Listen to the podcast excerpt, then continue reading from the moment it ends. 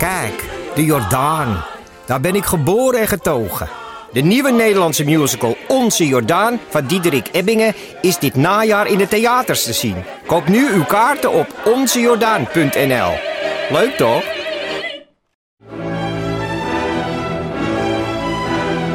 Dus jij koos voor deze podcast. Maar was het een bewuste keuze? Was het een moeilijke keuze? En wat zegt deze keuze eigenlijk over jou? Keuzes. Daar hebben we het over tijdens de Row Now Inner Choices. Een kort en krachtig concert met Maler en Frank.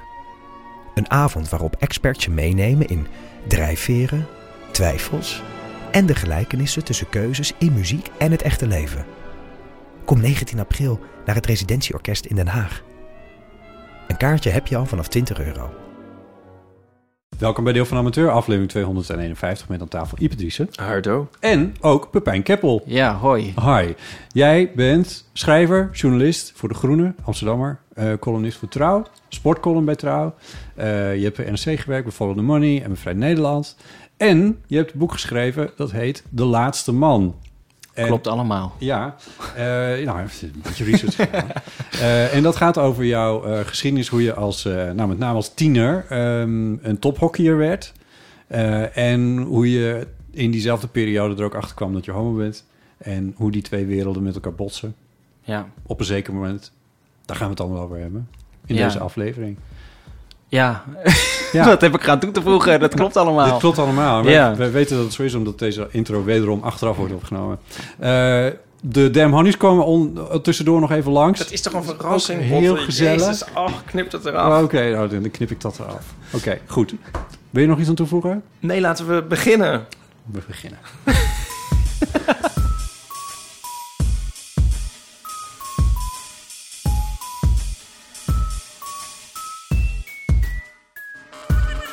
Jullie reden elkaar omver.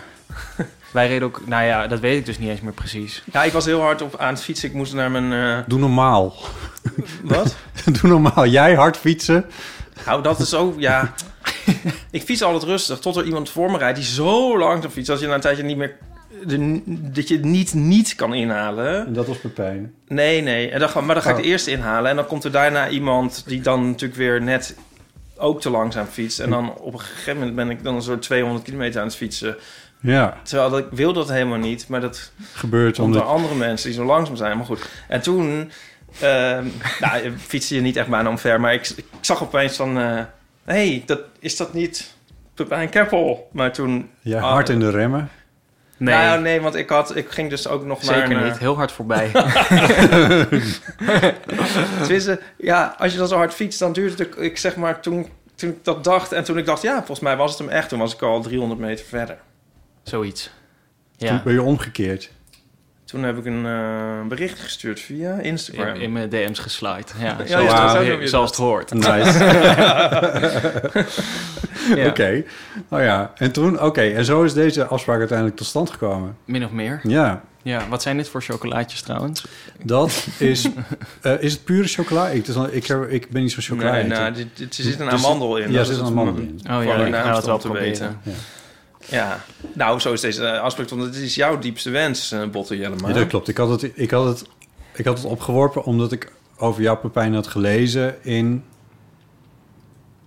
Dat weet ik niet meer. Maar jij stond in een aantal kranten dit voorjaar omdat, omdat je boek uitkwam. De Ja, laatste klopt. Ja. En eh, ik denk eigenlijk dat de meeste trigger nog was dat je geïnterviewd werd door, eh, door Gijs Groenteman. ja, Groenteman. ik vond dat ook heel intens om terug te luisteren trouwens. Ja, is dat zo? Ja, het was echt verschrikkelijk om terug te luisteren. Ik heb alleen maar complimenten over gehad, maar ik vond het echt verschrikkelijk. Wat, wat was Ga je zo? nu iets ga je het nu anders doen bij ons? Nee, Wat helemaal ga je niet. anders doen? Nee, ik heb, kijk, het was een beetje in die periode. Had ik al best wel veel interviews gehad.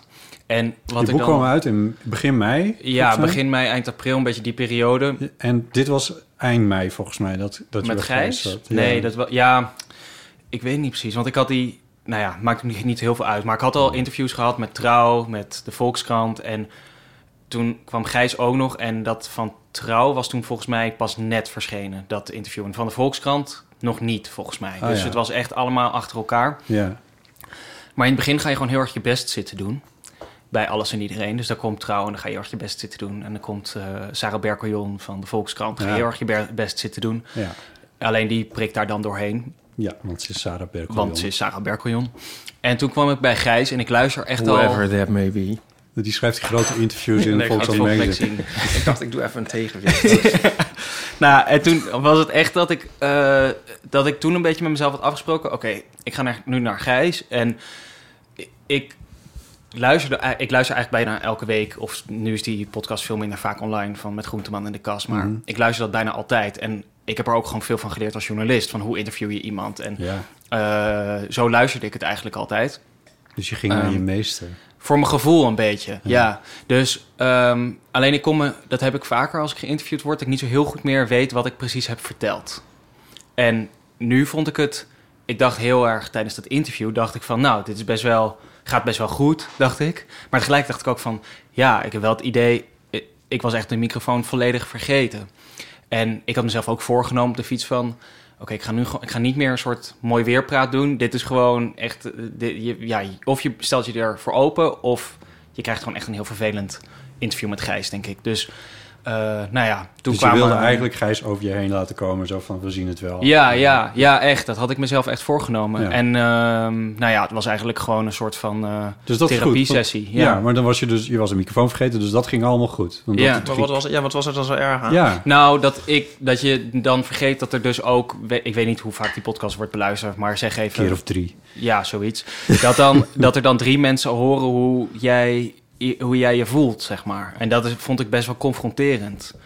En het ik, is een van de best beluisterde podcasts van Nederland inderdaad. Ja. Dus het zijn er best wel veel. Ja, dus ik had echt zoiets van, wow, ja, oké, nu krijg ik van alle kanten reacties. En ik had al veel reacties gekregen vanuit die kranten, maar bij Gijs kreeg ik nog veel meer reacties. Hmm. En ehm, ja, eigenlijk bij alleen maar positief, maar ook wel zo erg van, heel veel erg van, ja, wees nou eh, een beetje, weet ik veel, zorg ervoor dat je wat beter voelt of zo. Ja, ja, ja. Heel erg zo, je bent goed genoeg, weet Ja. je wel, dat soort, dat soort Ja. reacties kreeg ik. Ja. Wat heel aardig is, alleen ik had ook wel zoiets van, oh ja, dit kan nu gewoon tot in een eeuwigheid beluisterd worden. Ja. Dus ik Maar vond dat het ook, geldt ook voor... Oh ja, dat is misschien... Nou ja, dat geldt ook voor je boek. In die zin is dat interview met Gijs een beetje een verlengde van je boek. Van, eh, Ja, maar ik vond wel dat hij mij heel goed... Hij zette me eigenlijk... Hij gaf me heel veel inzicht die ik zelf helemaal niet had. Dus bijvoorbeeld dat ik mijn... Dat vond ik heel interessant. Dus dat je naar iemand toe gaat en dat hij tegen je zegt van... Ja, maar je moet je homoseksualiteit omarmen, zei hij Hmm. bijvoorbeeld. Ja. Want, en het is een soort van... eh, hetgeen wat je gered heeft, want anders was je nu een of andere McKinsey-jongen ge- geweest. En toen dacht ik van... Nou, misschien heb je daar wel gelijk in. oh ja. En eh, niet dat ik heel veel tegen McKinsey-jongens heb, maar dat is wel een... Ja, het was wel een inzicht of zo. Dat ik, Dan kan dat je, ik niet kan eerder je had wel een gehad. rekening sturen. Ja, nee, echt serieus. Ja, ik bedoel, liever niet, Gijs. Maar het is... ehm, nee, ik had wel zoiets van... Als ik dit elke week zou kunnen doen... dan ben ik denk ik binnen vijf keer ervan af. Dacht ik, van alles waar ik eh, ook maar mee rondloop. Nou, dit is keer twee. Want Dit dat is keer idee had je nog nooit gehad van ehm je homoseksualiteit omarmen. N- Nee, ik vind dat heel moeilijk. ja, nee, het is natuurlijk wel heel anders nu dan dat het was. Maar ik weet niet, hoe is dat voor jullie? Wat, homoseksualiteit omarmen of jouw Ja. interview? Nee, jullie homoseksualiteit omarmen. Oh, dat is moeizaam. Maar ja. Begin jij nou ook al? Nou, dit is, ik heb, dit, dit is toch maar, dit is, ik ben toch vrij consistent in, eh, in dit verhaal. Ja, ja, is het, ja nou, het zegt ook nog helemaal niet over nagedacht. Voor mij is dat niet zo moeilijk eigenlijk. Nou ja, door, ge- ga- je gaat even door een periode heen. En dan bedoel je je puberteit. Ja. Of misschien wel daarvoor nog zelfs, denk ik. Ja, ook. Toen ik het ook al wist, vond ik het misschien nog moeilijker. Maar ehm, op een gegeven moment denk, dacht ik van... ehm, het is eigenlijk best wel leuk. En dat Ik- heb je nu nog steeds. Oh, Ja. Maar dat had je Ja. toch heel vroeg al? Dat, je, Dat, dat ik dacht, het is wel leuk. Nou ja, dat je, toen je, je hebt ons verteld over dat je op middelbare school rondliep met Ja, een ja. roze koffertje ja, of zo. ja. Wat was het? Echt? Dat vind ik toch ook wel een redelijke omarming. Ja. Vond ik ook wel. eh, ja, toen was het een beetje een soort dubbel. Ja, Dus blijft speelde je er een beetje mee, bedoel je? Ja. ja, ja. Ja. En, en waarom vind je het zo moeilijk dan? Laten we even bij Ipe blijven. Oké. Nee, nou, nee, maar, Ja, dan doen we dat daarna. Ook jij, goed. bent dus ook heel, jij bent ook heel jong. Ja, dat zie ik nu net in het, ons draaiboek staan. Want ehm, niet, niet dat je er nou heel oud uitziet of zo. Maar ik bedoel, ik dacht eigenlijk dat je ouder was. Nou, mijn vriend die zei onze eerste date van hoe oud ben jij? 32, zei hij tegen mij. Dus ja, voor iemand van 5, 26, nu 26, is dat best heftig. maar het is misschien ook een soort... je soort aura of je stem of zo. Maar in ieder geval, ja, ik bedoel toen... eh, ik bedoel, je hebt nog tijd dan, misschien ook, ja, om je... Je hebt, je hebt Pepijn ook al wel twee of drie levens geleefd, in zekere zin. Ik voel me wel ook oud hoor. Dat is, niet voor, Ja. dat, is geen, niet als, dat, is geen, dat is geen grapje. Zo bedoel ik het echt niet. Ik Nee. voel me gewoon echt wel... ik voel me tegen de 40 of zo. Ja, ja, ja. Ehm, dus ik ben er heel erg. Ik kan ook niet zo goed. Ik kan nu al niet goed tegen echt uitgaan en zo bijvoorbeeld. Dat, eh, ik, dat trek ik gewoon fysiek niet, Nee. bijvoorbeeld. En eh, vaak overdag dat ik echt eigenlijk even moet gaan liggen. Hm. Ehm, dus ik merk wel dat ik me. Ja, en dan is dat nog alleen het fysieke deel, zeg maar. Want het mentale deel voel ik me ook wel echt al best wel oud op een bepaalde manier. ja. En ook weer heel jong hoor. Want ik vertelde net voordat de microfoon aan stond dat ik nu momenteel bij de Groene Amsterdammer werk. En Ja. daar voel ik me dus bijvoorbeeld echt een jonkie. Echt, eh, voel ik me echt ook dom. ja, er zit tussen allemaal mensen die dan allemaal dure woorden gebruiken die je helemaal niet begrijpt. En dan moet je daarna bij wijze van spreken weer gaan googlen. Ja, dat is gewoon echt zoals toen ik bij eh, toen ik twintig was of zo en bij NRC Handelsblad begon. Zo voel ik me eigenlijk weer. Maar je zit natuurlijk dus ook gewoon tussen wat oudere mensen op die redacties. Ja, vind Dus ik wel Hoe mee. kom je op al die plekken? Hoe kom je in vredesnaam op je twintigste bij NRC Handelsblad? 19. Ja, 1920 was ik ongeveer. Ehm, Dat De bedoel ik hele met die drie levens. korte versie is dat ik eh, bij Blendel stage liep na mijn eerste jaar journalistiek op de VU. Dat is een, een Ja. bachelor met een afsplitsing Ja. in de journalistieke richting. Dus ik wist niet zo goed of ik dat wilde. En eh, op die opleiding werd, omdat het heel erg gaat over wat doet media, dat was eigenlijk wat die opleiding voornamelijk onderzocht. ehm, eh, was, wa- vonden zij Blendel heel erg tof. Oh ja. En dus Alexander Klupping was zeg maar de persoon waar je voor wilde werken op die opleiding. Dus ik dacht, nou, ik wil daar wel stage lopen. Dus toen heb ik daar gewoon gesolliciteerd. En toen moest ik echt, ik heb nog nooit zoveel ronde sollicitatie gehad voordat ik binnen mocht komen ergens. Echt vier, vijf, zes gesprekken of zo. Eh, en dan drie op een dag. En dan moest ik nog een keer terugkomen. Ja, het was echt heel heftig. bij Blendel op NRC? Bij Blendel. Oh ja. ja. Raar, want hadden ze, in mijn beleving hadden ze daar voortdurend vacatures. En- Ja. Ja, maar het was echt heel Een soort de LPF-kamerlijst kandidaat eh, was het. Nee, ja. Het was echt heel Het moeilijk. was heel moeilijk, ja. Ja, of in elk Ja. geval, misschien niet moeilijk, maar heel veel in elk Ja. geval. En ehm, nou, daar, toen kwam ik daar binnen, toen had ik naar stage gelopen. En op een gegeven moment eh, werd ik gevraagd voor een interview in eh, NRC... over het eigenlijk onderwerp waar ik het nu nog steeds over heb. Dus over hoe het is om hoog te sporten en in zo'n heteronormatieve omgeving te zitten... en dan tegelijkertijd gay te zijn. Mhm. Ehm, alleen tegen de tijd dat ik daar echt tijd voor had, want ik hockeyde toen ook nog... Eh, niet meer op hoog niveau, maar nog wel vier, vijf keer in de week. Eh, tegen de tijd dat ik kon, zei, was die serie voorbij in NRC. Dus ik had eigenlijk geen, er was, geen ruimte dus- maar. Die eh, meer. zomerserie was dat. Ik weet niet wat het was. Het is Oh. al zo lang geleden. Maar Ja. Frank Huiskamp, eh, journalist daar die over dit onderwerp regelmatig schrijft, die, had dat, die was daarmee bezig. En Hmm. toen hebben we alsnog koffie gedronken eh, bij Hotel V daar in de Nes achter bij NRC. En ehm, toen hebben we het eigenlijk alleen maar voor journalistiek gehad. En toen zei hij van, moet je niet hier bij NRC anders eh, het werk komen doen wat je bij Blendel doet. Namelijk gewoon koppen schrijven, nieuwsbrieven maken, dat soort dingen. Nou ja, toen van het een kwam het ander. En een maand later zat ik bij NRC in plaats van bij Blendel. En toen ben ik daar begonnen met freelancen op mijn twintigste ongeveer dus. Ehm, ja, en toen is het een beetje een stroomversnelling gekomen. En zit ik nu ja, bij Follow the Money gezeten. Nu bij De Groene, Ja. geschreven. dat zijn dus goede is, eh, titels om bij te zitten hoor. En eh, Ja, ben ik ook heel blij mee. Ja. Sinds kort columnist voor Trouw. Ja, Ja. Heb je de plek van eh, Marijn overgenomen? ja ik heb van eh, Marijn de Vries eh, haar plek overgenomen. Ja, Ja. zij is naar NRC gegaan. Ja, ik heb met haar samengewerkt in, in mijn voor, een van mijn vorige levens bij, Oh, echt? bij de AVRO. Ja, Oh, hoe Ja. was dat? ja te gek. ja, AVRO. ja is- ze was... eh, Ze het wat anders. Ze is de heel AVRO. in de AVRO, ja. Dat was, eh, ik, ik vind haar heel inspirerend. Dat was vlak voordat zij eh, eh, besloot om te kijken of zij topsporter kon worden. Zij heeft dat toen gedaan op haar dertigste. En dat is toen ook meteen een eh, radiodocumentaire eh, geworden. Ja, En eh, nou ja, daar heb ik een beetje, zeg maar, ja, naast gestaan. Ik heb daar verder geen bijdrage aan geleverd of wat dan ook maar. Maar ik heb wel gezien hoe dat bij haar allemaal begon. En toen gingen we beide naar de VPRO. Zij ging bij Hollandsport werken. Daar gaan we. Oké, hier stopt het verhaal dan. Hey, maar ehm, ja, maar, maar ja, en toen, nou ja, goed. En, en, en zij is nu gewoon een heel instituut geworden aan, aan fietstopsporten en aan eh, voor het vrouwenwielrennen belangrijk. En volgens Ja. mij zit ze ook zomerslang zit zij bij, eh, bij Studio Sport ook volgens mij. Ik weet niet of ze bij Studio Sport zit, maar in elk geval bij de Belgen. Oh, bij de Eh, Belgen. zit ze is- veel. Ja, ja, ja. Maar ik vind, moet zeggen, ehm, toen ik deze plek bij Trouw kreeg om dan sportcolumnist te worden, nou, afgelopen weekend heb ik dan eh, een stuk geschreven over vrouwenwielrennen. Ja, een column. En toen dacht ik van, oh, dit vind ik wel heel moeilijk. Omdat degene voor mij zoveel weet Ja. over wielrennen. En Ja. ik vind wielrennen tof, maar ik heb natuurlijk gewoon niet meer gevolgd dan de gemiddelde fan. Eh, dus ja, probeer er dan maar even een originele insteek bij te verzinnen. Dus ik merk wel dat ik dan wel ook bezig ben met haar ja, nalatenschap tussen aanhalingstekens. Hm. Dat je dan denkt, ja, die, dat, die de vrouwenwielrenschoenen kan ik nooit vullen, zeg Nee. maar. Dus dat Nee. is... eh, Maar dat ja, die ambitie moet je misschien ook helemaal niet hebben. hè? Nee, heb ik ook niet. Maar je gaat jezelf onbewust toch vergelijken. Ja, Ik wil nu ook allemaal Gijs Groenteman-achtige dingen gaan zeggen. Doe maar. het is wat. Nou, dat hoeft nou ook weer niet. Oh, dat dit- je ook nog de vrouwenwielrenschoenen moet vullen. ik bedoel, je kan niet alle schoenen vullen, Pepijn. Nee, kon het maar. Gaan we het nog even hebben over waarom jij je homoseksualiteit zo moeilijk kan omarmen? Nou, ehm, ehm, nou, kijk, ik heb jouw boek gelezen en ik vond, ik vond het eh, grappig genoeg herkenbaar, terwijl onze levens op zoveel manieren niet op elkaar lijken.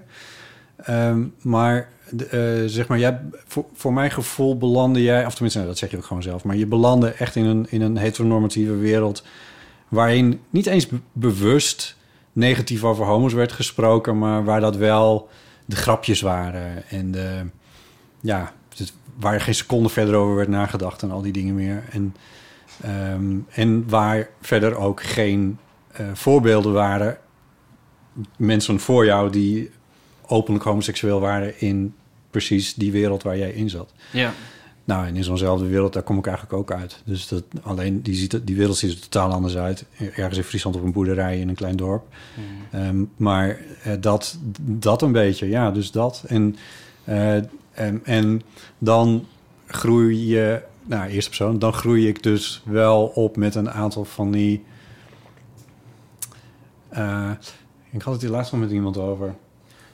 Dat, was een serie voor Vrij Nederland. Wilden ze iets weten over trots zijn. En daar vroeg ze mij ook voor. En, eh, en ze hadden een aantal mensen over trots. En ik zei, nou, ik zei, eh, trots, ik moest natuurlijk meteen aan Pride denken. En ehm, Wacht, heb je dit wel of niet gedaan?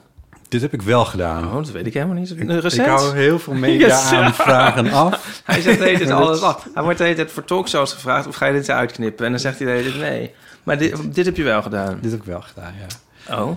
Het punt wat ik daarmee wil Ja. maken... is dat ik toen ook zei van... eh, wat zei ik? Ik moet even mijn gedachten weer ordenen, hoor. Ehm, eh, dat, zeg maar, trots zijn voor mij... eh, dat is pride trots... voor mij wel echt een keuze is. Iets waar ik... Dat is een drempel waar ik elke keer wel weer overheen moet.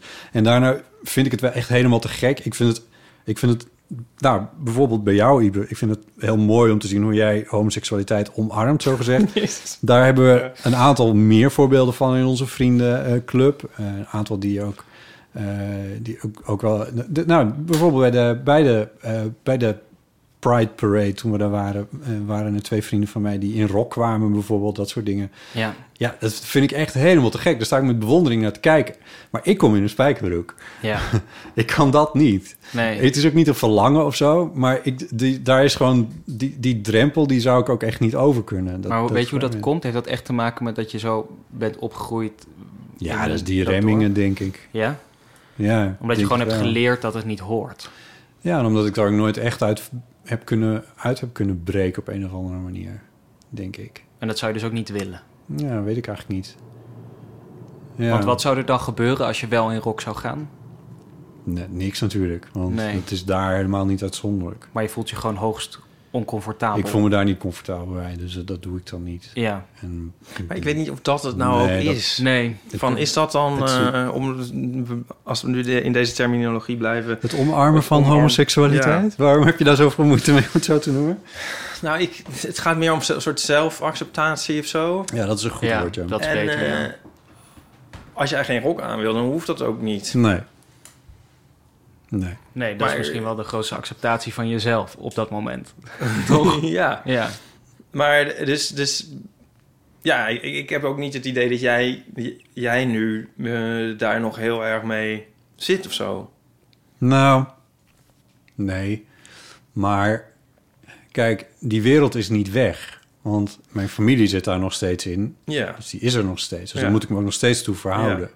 Het is niet zo dat ik daar helemaal uit losgebroken ben, hoewel ik er ook nauwelijks meer onderdeel van ben. Maar ehm, nou, ik heb bijvoorbeeld nu met, met, de, met de. Had ik het nou verteld? Bij de, bij de parade. eh, ik had verteld aan mijn nichtjes, die wat ouder beginnen te worden onderhand. Ik geloof dat ze elf is.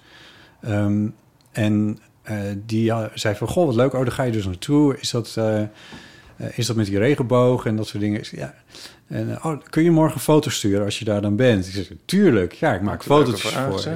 Hè? Leuke vraag. Ik, ik, Ja. Geweldige vraag. Dus ik heb niet één foto gemaakt, maar ik heb er tien gemaakt. Ja. En die heb ik allemaal naar haar gestuurd en zo. En, maar dan voel ik wel dat ik ook met haar moeder, mijn zus, dat ik dat, ik, die overigens een van de meest open mensen in de wereld is, maar dat ik daar toch een soort van, dat ik haar daar een beetje bij in moet betrekken of zo. Dat ik niet, niet helemaal mijn nichtje daar in mijn eentje in meesleep op een of andere manier. of Zo. Ja, Ja, een dat soort bedoel ik. goedkeuring wil of zo. Van dat het oké is. Ja, ja, ik denk dat dat ook vrij normaal is als je. Maar goed, in ieder geval, ik, ik bedoel ermee te zeggen dat ik niet helemaal los sta van die wereld. Ja. Waar mijn Ja, zus je wil niet misschien het wel idee hebben dat jij eh, de jeugd indoctrineert over de rug van de oudere generatie van je familie. Ja, ik weet niet of ik deze woorden zou kiezen, maar zoiets, ja. Ja, ja in Ja. die categorie. Ja, maar goed, dit is dan één voorbeeld. Maar er zijn Ja. meer dingen waar ik... Ja, er zijn wel heel veel andere dingen waar ik het wel veel meer in heb omarmd. Maar Maar je moet natuurlijk je hele tijd verhouden tot de buitenwereld. Dat, dat is zo, dat heb ik ook, Ja. zeg maar. ja, En ik vind, ik ga ook niet overal hand in hand lopen met eh, Nico nee, en zo, soms. Of weet ik Ja. veel wat er allemaal kan zijn. ja. Nou ja, Maar voor, voor mezelf ben ik er wel mee in het re- rennen. ja. Nou ja, en het feit dat jij, of jullie allebei een relatie hebben met een man. Elkaar. Oh. maar dat, is- dat, ik bedoel, en ik niet. Ik denk, ik denk dat daar bij mij ook wel iets in zit. Van, ik heb dat, ik vind het nog steeds wel moeilijk voorstelbaar om samen te zijn, te, te- zeg maar mijn leven te delen met, met een andere man. Dat, terwijl ik mezelf wel homo noem. Ja. Terwijl het in de praktijk ben ik niet zo'n succesvolle homo. ja.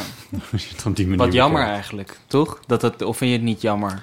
Ja, op momenten vind ik het jammer. Op andere momenten kan me helemaal niks schelen. Dus het, het wisselt een beetje. Ja, zolang dat wisselt is het niet erg. Mm, nee. Alleen op momenten dat het negatief Nou, ik heb een onwijs leuk leven. Ik bedoel, dat, kijk, als mijn leven niet leuk zou zijn, dan had ik er natuurlijk al lang iets aan gedaan. Ja, ja. En, en het- ik ben niet, ik, ik, ik mis natuurlijk wel een zekere. eh, ik denk dat ik een relatie in zekere zin wel mis. Ik weet natuurlijk niet helemaal wat ik mis, omdat ik het nooit echt helemaal heb gehad. Maar ehm, ik geloof niet dat ik daar, dat mijn, dat ik daar nou een heel depressief en, en teruggetrokken persoon onder ben. Nee. Dat denk ik niet. Dus weet je, als, ik, ik heb genoeg andere leuke dingen in mijn leven waardoor ik daar minder over nadenk of mezelf weet, weet af te leiden of dat soort dingen. En als ik daar echt veel meer zou, mee zou zitten, en er zijn wel momenten in mijn leven geweest waar ik er meer mee zat, en dan heb ik ook wel eens geprobeerd om er iets aan te doen, maar ja, dan uiteindelijk denk ik, nou, nee, laat maar.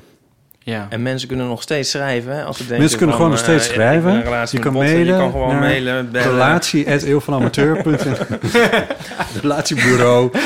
hey, maar ehm, als ik dan eens een vraag mag stellen, Pepijn. ja. Want ik had ook eerst het interview met eh, Gijs gehoord en wat dingen gelezen. En nu heb ik jouw boek gelezen.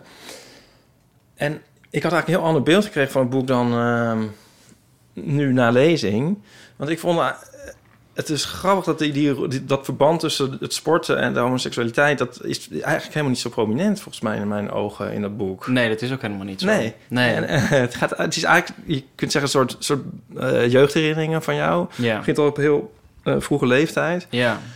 En ehm want als we het dus over homoseksualiteit hebben en sport... maar eigenlijk had jij die twee dingen helemaal niet nodig om ongelukkig te zijn. Wat dan? Dat weet ik niet, maar... Het is echt ontzettend, ga je goed om vraag. Toch? Nee, maar... eh, ik, ik hoor de vraag nog niet helemaal. Dat is een... nou... Dus ik, de uit de media had ik het idee gekregen van... eh, je, je was aan het sporten, en maar omdat je homo was... ging het eh, zeg maar helemaal niet goed met je. Mhm. Maar dat, eigenlijk ging het sowieso niet zo lekker. Nou, ik denk dat het gewoon allemaal in elkaar grijpt. Dus zoals we nu vaak zien... Kijk, als ik het naar het heden trek bijvoorbeeld... dan zie je dat we als ik het echt over naar het heden trek... en dan helemaal los van Oh homoseksualiteit. Maar dan heb je bijvoorbeeld... eh, we hebben klimaatverandering, inflatie. Je hebt, eh, we staan enorm onder druk op allerlei verschillende manieren. Er is oorlog op het continent. Dus een perfect storm, zoals ze dat dan vaak noemen in Amerikaanse media. En ik denk dat dat ook voor mij zo was in mijn leven. Dus dat er eigenlijk dat mijn homoseksualiteit me gijzelde op een bepaalde manier. Dat ik dus niet, nou, zoals heel veel mensen die in de kast zitten, dat je dus niet jezelf durft te zijn. Eh, en die grootste angst eigenlijk is dat je de mensen in je directe omgeving verliest. Ehm, Maar dat komt pas heel laat in het boek toch eigenlijk? Want je, als je gaat hockeyen, Ja. je gaat eigenlijk al een soort bijna meteen gaat het. eh, vind je het niet meer leuk het hockeyen? Ja, ik heb het vanaf het begin niet echt leuk gevonden. Kijk, je maakt in een boek altijd een selectie. Er zijn natuurlijk momenten dat je het heus ook wel leuk vond. Ja. Ehm, alleen over, ja, aan- onder de streep zie ik nu vooral het negatieve ervan. Ja. En eh, dat zou ongetwijfeld invloed hebben gehad op hoe ik het boek geschreven heb. Maar ja, in mijn eerste herinnering is het wel zo dat ik naar het hockeyveld werd gebracht door mijn ouders en ik dat absoluut niet wilde. Ja. Ehm, Dit hebben we trouwens gemeen. Want jij bent ook naar het hockeyveld gebracht tegen je zin in. ik ben niet zo lang gebleven. Ik was ook iets minder getalenteerd, gelukkig. Maar ik, het is meer zo van... Ik, het beeld dat krijg je toch wel een beetje een soort... eh, de- denk je... eh, ja... Had je met iets an, andere... Had je zeg maar... Als je was gaan badmintonnen... Was je dan denk je gelukkiger geweest als kind? Of Nee, dat denk ik niet. Had je hier gewoon doorheen moeten gaan sowieso? Ik, nee, ik denk dat overal waar hockey staat je het kan vervangen door een andere sport of een andere omgeving die ook heel heteronormatief is. Dan heb je denk ik min of meer hetzelfde verhaal. Maar is het echt het heteronormatieve of is het meer het, eh, iets uit jezelf, het, het, het, het, eh, zeg maar het st- streberige om het eh, woord te gebruiken? Oh, dat vind ik wel echt heel moeilijk. Want aanvankelijk in- in- heb je gewoon teamgenootjes en die zijn dan, eh, dan daar heb je toch ook nog wel een band mee en zo. En dan speelt die homoseksualiteit, die komt bijna pas op pagina 173 dat ze gaan schelden en zo. Ja, maar dat heb ik heel bewust gedaan. Want dat is natuurlijk iets wat veel vaker voorkwam. Ehm, maar je wil ook niet een boek lezen en dan elke vijf pagina's gescheld lezen, zeg maar. Want dat is, dan leg je het er zo dik bovenop. Dat wilde ik juist absoluut niet doen, omdat dat Maar heel was het wel bij de junioren dan ook al... eh, Ja, ja, ja. Vanaf een jaar of 12 tot zoals nu. oh Ja, als je nu kinderen van 12 tot 14 hebt, dan hoor je dat, hoor je dat ook. Dat ze elkaar uitschelden. Alleen het heeft denk ik niet zo. Ik wilde gewoon één scène schrijven waarin dat gebeurt. Omdat het ook gewoon. Een, het is niet het allerergst wat er gebeurt. Het scheldgedeelte, Mhm. zeg maar. Kijk, er wordt heel erg vaak op ingezoomd dat het allerergste is wat er kan gebeuren.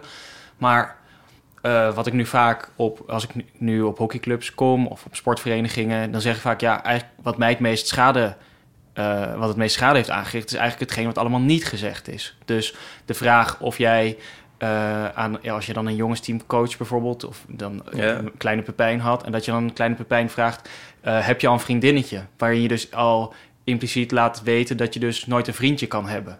Ehm, dus ik denk dat dat soort, dat hetgeen wat niet gezegd wordt, vaak heftiger is dan hetgeen Ja. wat wel gezegd is. Omdat je daarmee een hele, heel maatschappelijk... daarmee zet je, zeg maar... daarmee maak je het frame, zeg maar... waarbinnen je jezelf kan bewegen. Dat is het heteronormatieve. Dat is het heteronormatieve. En ik denk dan het gescheld, dat is... ehm, ja, ik ben natuurlijk nu de afgelopen maanden heel veel in gesprek geweest... ook met jongens uit het Nederlands team en zo. En dan merk wel van ja, ze hebben- bedoelen het natuurlijk niet zo. Alleen daar was ik me toen ook wel van bewust. Maar toch voel je je continu aangevallen op het moment dat het gezegd wordt. Ja. Ehm, nou ja, dat hebben jullie misschien ook als je op, op de middelbare school het werd gezegd of zo. Dat je dan... Ik herken heel erg het gevoel van dat je er niet bij hoort of zo. Ja, Eh, dat je dat gevoel hebt. Dat had ik, had ik met hockey echt heel sterk. Ehm, maar dat, ik weet niet of dat nou kwam door... ehm, in mijn geval niet, kwam dat niet door die dingen, maar... ehm, Door je muzieksmaak. ja, ik kan al honderd oneindig veel redenen hebben natuurlijk. Ehm, Nee, maar ik denk dat ik van nature heb ik een bepaald beeld van de wereld waar wat ik een wat me eh, en dat ik- dat beeld is dat ik het enigszins somber inzie. Ik heb een vrij Ja. melancholisch somber beeld over de wereld. Ja. En dat ehm, is enerzijds is dat een, mijn motor, want ik wil daar iets aan veranderen als journalist. Ik wil er iets aan veranderen als columnist. Ik wil daar iets aan veranderen door zo'n boek. Maar tegelijkertijd is het natuurlijk mijn eigen kwelling. Dus het is daar, eh, ja, ik leef wel in de hele tijd in toch wel een wat somberder, Ja. ja. ja, somberdere wereld. En ehm, waar ik me bijvoorbeeld heel goed in kan vinden, is dat eh, een goede vriend van mij die zei, ehm, toen ik hem nog niet zo lang leerde kennen, twee jaar geleden of zo, zei toen van... ehm, ja, als ik een boeket eh, rozen koop... dan heb ik, denk ik al meteen aan het moment dat ze zullen verwelken. En dat is eigenlijk een beetje hoe je dan ook kan... Ja, dat, dat vind, ik, vind ik dus ook heel mooi, zeg maar. Dat je dus ook kan nadenken over dat het kapot gaat. Dat het Deze, dus... deze uitspraak hangt, hangt, hangt, is, is uitgeprint boven de deur bij Ipadrisa. Nou, nee, ik herken het al. Dat herken Ja? ik zeker. Ik, ik, ik, ik, ik, eh, sta er heel erg hetzelfde in. Het is meer van eh, dat ik daar dan zelf ook wel weer ehm, om kan lachen als ik dat doe, vaak. Ja, Zal ik maar zeggen. ja ik denk Ik bedoel, dat je moet het ook niet te serieus nemen, misschien die sombere. Ik bedoel, het is ook een beetje belachelijk, toch?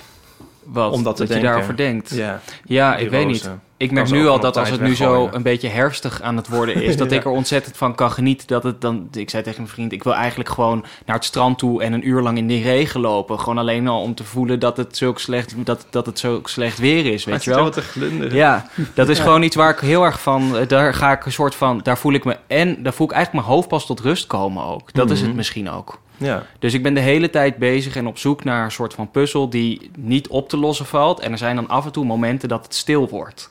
En de momenten dat het stil wordt, zijn de momenten dat ik ook me creatief kan uiten. Of eh, weet dat ik een verhaal kan schrijven. Of ja, je hebt toch van die soort creatieve uitspattingen. waar Ja. je het gevoel hebt van: oh, nu wil ik opeens een tekening maken of zo. Dat heb je gewoon soms. Of een gedichtje schrijven of iets maken. En dat is. ehm, dat, dat, dat komt bij mij wel allemaal voort uit dat, die, dat gevoel van melancholie op een bepaalde manier. Maar en is dan dus spotlight zoeken, als ik het zo mag noemen, is dat dan ehm, productief? Want ehm, heb je nu niet nog minder rust aan je hoofd dan eh, normaal, zeg maar?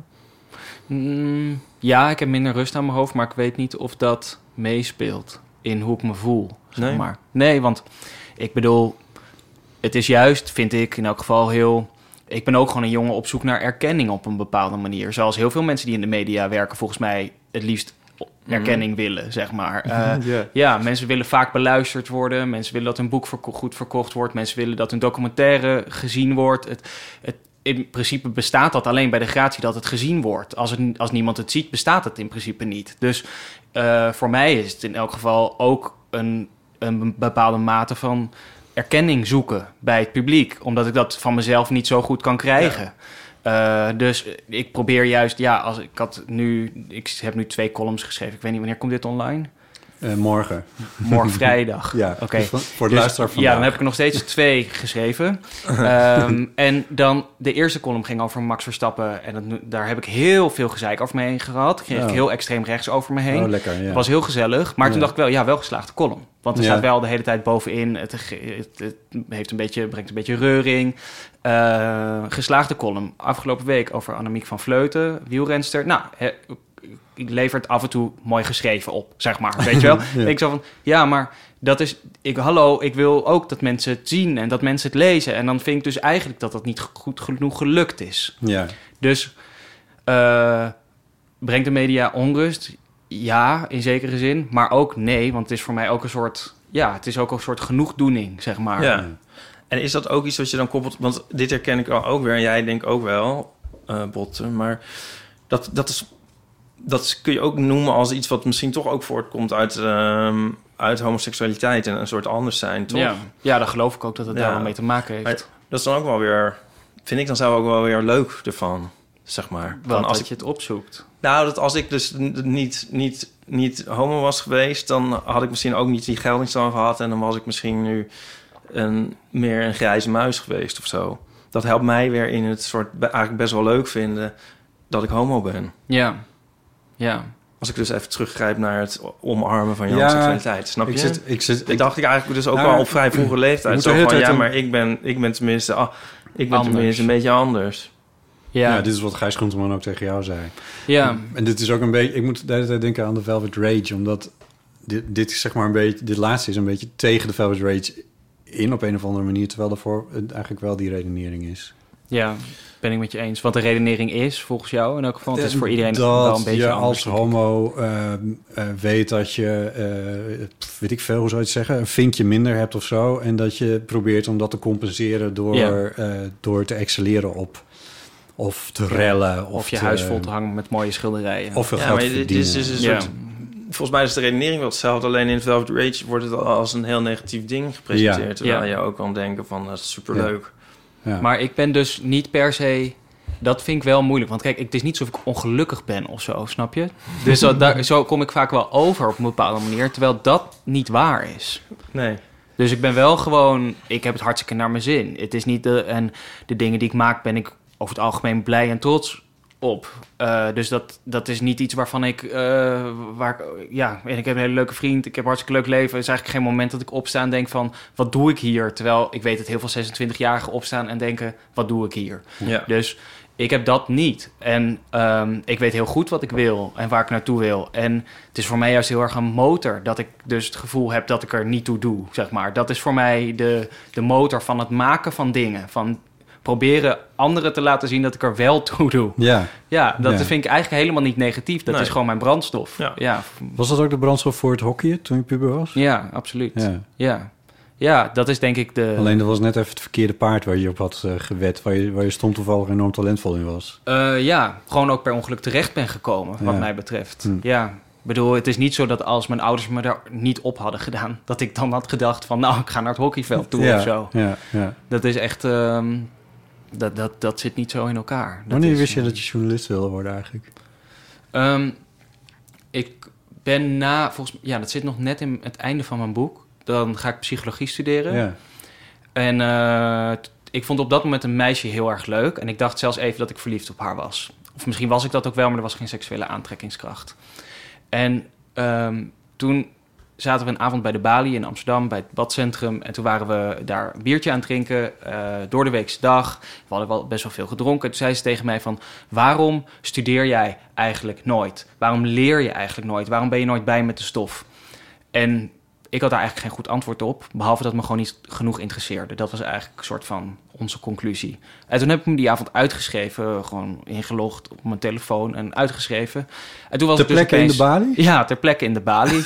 en toen kwam ik dus de volgende ochtend naar beneden. Want ik woonde toen nog thuis. En Ja. toen moest ik tegen mijn ouders zeggen... Of nee, woonde ik net niet meer thuis. Dus moest ik mijn ouders eh, made bellen. en toen zei ik van... Ik heb me uitgeschreven voor mijn studie. Oh, ja. Ehm, nou, dat was eigenlijk helemaal niet zo'n heel groot probleem.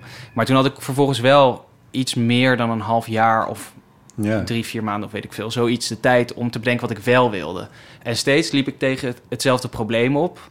Namelijk dat ik, ik had al in mijn hoofd van, ik word wat ik studeer. Dus dat is al, dat hebben heel veel jongeren. Dat als je ja. natuurkunde studeert, natuurkundige ja. wordt, zeg maar. Of Ja. in de hele dag in een laboratorium moet zitten. Dat is allemaal niet waar natuurlijk. Maar Mhm. ja, dat zegt niemand tegen je of het dringt niet door. Dus eh, ik dacht, nou, ik wil me eigenlijk wel kunnen verdiepen telkens in een ander onderwerp. En dan gewoon elke week iets nieuws. Ehm, en het enige waar ik tegen, tegenkwam was dan de journalistiek. Dus het was een soort van enige mogelijkheid Ja, in mijn hoofd. ja. Eh, dus het kwam pas eigenlijk vrij laat. Nou, en ik moet ook nou, eerlijk bekennen dat Je ik... was 19. Dat- Ja, maar ik bedoel, de meeste mensen die, naar, die zitten dan op de school voor de journalistiek of zo. Eh, Hij is een beetje een soort grappige samenvoeging van ons, vind je niet? Sa- samengebald in, eh, in, in, in, een, in een nog veel korter leven nog. ja, ja, misschien wel, ja. Ja, is dat zo? Nou ja, kijk, ik ken er wel veel in, in ieder aspecten. geval. Ja. Ja, ja, ja, ja, dat vind ik wel leuk. Ja. Ja. Ah, ik had ook toen ik bij Blendel dus ging werken, had ik helemaal niet eh, zoveel gelezen nog. Dus ik heb daar pas, ik weet nog dat ik aan het eind van die stage had ik geloof ik 4000 artikelen gelezen of zo in drie maanden. Nou, toen dacht ik, toen heb ik echt pas geleerd wat journalistiek kan en zo. Dat had Hmm. ik toen eigenlijk nog helemaal niet zo heel erg door. Al had ik wel een krantabonnement, maar ja, dat ding lees je dan Ik niet. wilde het eens Ja. zeggen van, doe nou eens rustig. doe toch eens rustig. Oké. Dat hoeft toch ook... Nee, ik bedoel niet in je gesprek, maar ik bedoel 4000 artikelen, dat hoeft toch allemaal niet? De- Nee, ja. maar ik wilde me dus de hele tijd Ja, dan nee, bewijzen. ik dus, het, En ik maar- wilde ook wat leren, dus dan ga je een soort Ja, van daar God. over de kop werken, zeg maar. Ja. ja. Daar word je dus heel moe van. Maar en dan van ga je over tussen de middag werken. liggen. Ja. Nou, ik heb één moment gehad. Het is misschien wel goed om te vertellen. Is dat ik bij. Ik weet niet of ik het al eerder heb verteld. Maar zo, ja, dan moet je me vooral onderbreken. Maar in, ehm, bij NRC werkte ik toen. En toen was ik, eh, had ik echt heel veel gewerkt. Gaat dit over de couveuse ruimte? Oh, Kolfruimte. Ja, kolfruimte. ja, dit zit in... Couveuse dit is- Couveuse is bij NRC. heb, ik Dit bij Gijs, bij Gijs verteld. heb ik dit Gijs verteld? Ja, maar goed. Oh, Voor- oké. voor- ik- ja, eh, dit is ook raar voor de luisteraar. Want Ja, maar ik kan hem heel kort vertellen. Ja, is- dat ik zoveel had gewerkt dat ik eigenlijk sterretjes zag en vervolgens moest overgeven in, achter mijn laptop. En dat ik toen door iemand in de kolfruimte ben gelegd... omdat ik gewoon niet meer rechtop kon zitten. Hmm. Eh, terwijl ik nog een artikel moest afschrijven. En toen heb ik daar twee uur gelegen... en heb ik het vervolgens alsnog afgeschreven. Omdat Ja. het... eh, maar ja, daarna ben ik gewoon ook weer maandag aan het werk gegaan. Dat is op een vrijdag. Dus ja, ik bedoel, het is gewoon een soort van... Ja, jezus. Ja. eh, maar doorgaan tot het niet meer gaat. ja. Ja. Maar ja, dat leer je ook op het hockeyveld. Dus dat is, eh, dat is niet Ja? heel gek. Ja. Kwam het daar vandaan? Ja, ik denk... Ja... Ehm, momenteel loop ik weer bij psycholoog. En dan hebben we het veel over... Omdat ik dit over het boek heel erg veel... Ja, ik bedoel, ik had daar best wel heftige zelfreflectiemomenten continu. Dus ik had wel behoefte om dat gewoon met iemand te bespreken... en die het misschien wat beter voor me kon duiden of zo. En ehm, die psycholoog zei tegen mij... ja, eigenlijk alles wat je vertelt over die hockeyperiode... hoe dat jou heeft geschaad... dat is eigenlijk allemaal na je twaalfde, zeg maar. Het moment dat je echt schaadt. En dan ligt eigenlijk je karakter al vast. Dus dat is al op je tiende ligt dat, is dat gewoon een soort van in beton gegoten. Het enige wat er dan nog kan gebeuren... is dat je een uitvergroting krijgt. Dus dat bijvoorbeeld dat hockey al iets, ja, iets wat Ja, in je zit... ja. dus een bewijsdrang al Ja. verder uitvergroot... waardoor jij je het gevoel kan hebben dat hockey dat was... maar dat was hockey niet, dat had je ofwel in je genen... of ja, nature nurture. Hmm. Dus ehm, inmiddels ben ik er wel een beetje op terug aan het komen... dat hockey de schuld van alles is, zeg maar. Dat, eh, Ja, dit, ja. Ja, dat, dat, ik denk dat ook, want heb je dat ook niet als je aan jezelf, als je bij jezelf te raden gaat van hoe je nou uiteindelijk bent en hoe je in elkaar zit of zo. Als ik, als ik naar mezelf kijk, dan denk ik van ja, er had toch geen gebeurtenis in mijn leven kunnen zijn die dan. Die een andere uitkomst had kunnen Ja. bewerkstelligen? Ik zou ook altijd neurotisch zijn geweest, dat weet ik zeker. Dat weet ik gewoon zeker. Ja, Vanaf je tiende, weet. twaalfde? Of bedoel je echt überhaupt ooit, ever? gewoon überhaupt ooit ever, denk Ja. ik. ja? Het zit er gewoon in. Je krijgt gewoon dat soort dingen ook door van je ouders. Is mijn overtuiging. Ja, maar ik denk toch wel dat... eh, nee, dit, Als jij nou ik een- heb ook een klein, klein, kleine geschiedenis die niet zo heftig is als de jouwe pijn met, eh, met gepest worden op, eh, op school. Ik denk wel dat dat bij mij ook wel een knauw heeft gegeven. Dat, ik denk dat dat wel dingen zijn die toch wel wat... Jawel, maar het gaat dus om dat het dan een uitvergroting kan geven en zo. En een, nog een, een zetje kan geven. Maar dat soort Ja, de basisstructuur, of zo, dat die toch al een soort al klaar ligt. Ben ik bang voor. Of nee, of het is juist al geruststellende gedachte eigenlijk. Ja, is toch best geruststellend. Ja. Dat vind ik in elk Ja, ik geval. vind er het ook geen andere ja. uitkomst kan zijn. Ja. En dat, dat je hebt dus eh, zeg maar een beetje topperige mensen. Kijk, je kan iemand heel, die kan heel vrolijk zijn en die kan allemaal vreselijke dingen meemaken of zo. En dan is hij niet meer vrolijk. Dat kan ik me voorstellen. Maar als je een soort vrolijk van aard bent of meer topperig van aard, dat, dat, dat heb je gewoon. Hm. Ik denk als, als jij nou op een eh, wit strand was opgegroeid. Kijk je mij aan, ja? ja. Ja. In plaats van een donkere eh, boerderij onder, de, onder een grijze hemel. In, in een kleipolder, ja. Ja, ik, ik denk dat het toch misschien niet zo gek veel veranderd anders was geweest aan Ja. Oh ja, ja, het zou kunnen. Denk je wel? Nee, nou, we weten het ook niet. Nee. Ik denk het wel. Dat dat dan Ja. nog wel... Ja, want het is toch nature nurture. Dus dan is er wel een deel... Toch, laten we zeggen dat het helft-helft is. Dan heb je toch een heel andere opvoeding gehad. En zit je met Ja. je voeten in het zand. En dan heb je toch een ander soort levensbeeld, denk ik. Ja, dat denk ik ook. Ook zeg maar, met jouw boek indachtig van... Ik, ik, ik weet dus helemaal niks van sport, hè? Nee. De- eh, ik ben er nooit mee bezig geweest. Dus ik, die, dat is een wereld die ik niet zo goed ken. En jij neemt in dat boek... Neem, heb je me best wel meegenomen in... Hoe, die, hoe dat werkt met als je zeg maar getalenteerd blijkt te zijn en gekozen wordt om naar steeds op een hoger niveau te gaan hockeyen. Hoe je dan van club wisselt, hoe je naar steeds meer trainingen moet, wat voor impact dat heeft op ehm, het, het gezinsleven ook, omdat je overal naartoe moet worden gereden de hele tijd. Want ja, je bent Arme papa. Papa inderdaad. Ja. En eh, ehm, ehm, wat wil ik je nou maar zeggen? Ik denk dat dat eh, als je als je daarin in terechtkomt, dat is ook een, een soort machine waar je instapt met dat je op de foto moet met een Volvo en dat soort dingen. Oh, dat heb je gezien.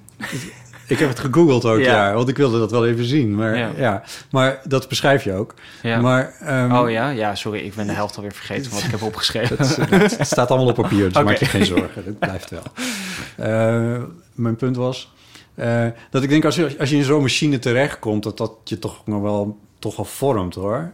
Dat geloof ik toch echt wel. Ik ben in een soort halve machine terechtgekomen... die echt niet vergelijkbaar is met wat jij...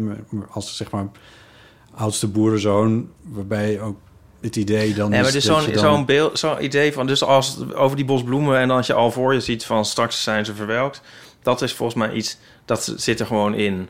Of je nou wel of niet heel lang op hokje zit of Ja, op een boerderij zit. Zo'n soort niveau. oude look, Ja, die ja. heb je volgens mij. Of maar ik vind dat ook schoonheid. Dat is het ook, Ja, ja, ja. snap je? Dus ik vind het niet...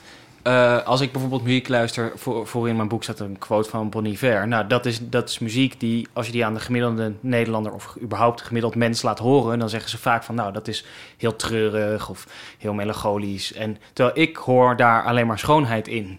En Ja. dan is het dus, ja, voor mij zit het daar juist, dat, dat vind ik juist mooi, weet je wel? Ja. Dat het dus ook, dat er dus een bepaalde vergankelijkheid is. Dat, dat, dat is juist wat ik het mooist vind, zeg maar. Ja. Dus dat je een broek koopt en dat die dan alleen maar lelijker wordt, maar daarmee juist mooier wordt, weet je wel? Dat Hmm. is juist het hele, dat, dat is toch, ja, dat vind ik het mooiste wat er is. Dus dat is ook, ja, dat, dat is soms heel, ja, heel benauwd, maar ook heel vaak, in elk geval voor mij, is dat ook heel vaak iets waar ik dus die creativiteit juist uit, Ja, uit kan putten. Dat, en het gaat, het gaat ergens over. Ik bedoel, als, Ja. als je niet van Bonnie Iver, maar van Frans Bauer had gehouden... dan was het toch een ander verhaal geweest. Ja, ik denk het wel, ja. ja. Hey, ehm, seks. Ehm, er zit ook heel Oh, veel seks ja. in het boek. Oh, Ja. leuk, gaan we het daarover Ja, dat want wilde ik daar- ook wel daar, daar, daar, ja. daar stapten, de meeste mensen ook nog wel overheen, Jezus. had ik het idee. Ja, dat ik dacht niet van, meer- eh, oh, dat wist ik helemaal Ja, niet. maar, Dat maar dat durft, durft niemand, denk ik. Ze durven Ja, niet naar te het, is praten. al, het is allemaal puberseks, dus het is inderdaad ook wel een beetje raar om erover te beginnen. Maar er zit bijna Nou, nog meer seks in dan hockey.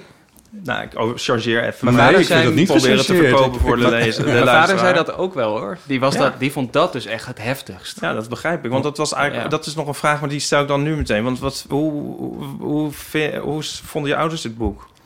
Nou, dat me...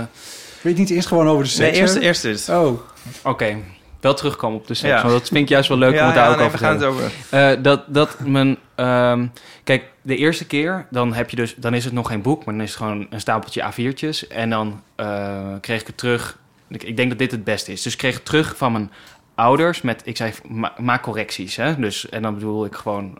alles wat je wil corrigeren, laat het, zet het erbij... en dan doe ik het uiteindelijk niks mee. Dat is eigenlijk Ja. niet meer. Maar in elk geval dat je ze de kans hebt gegeven.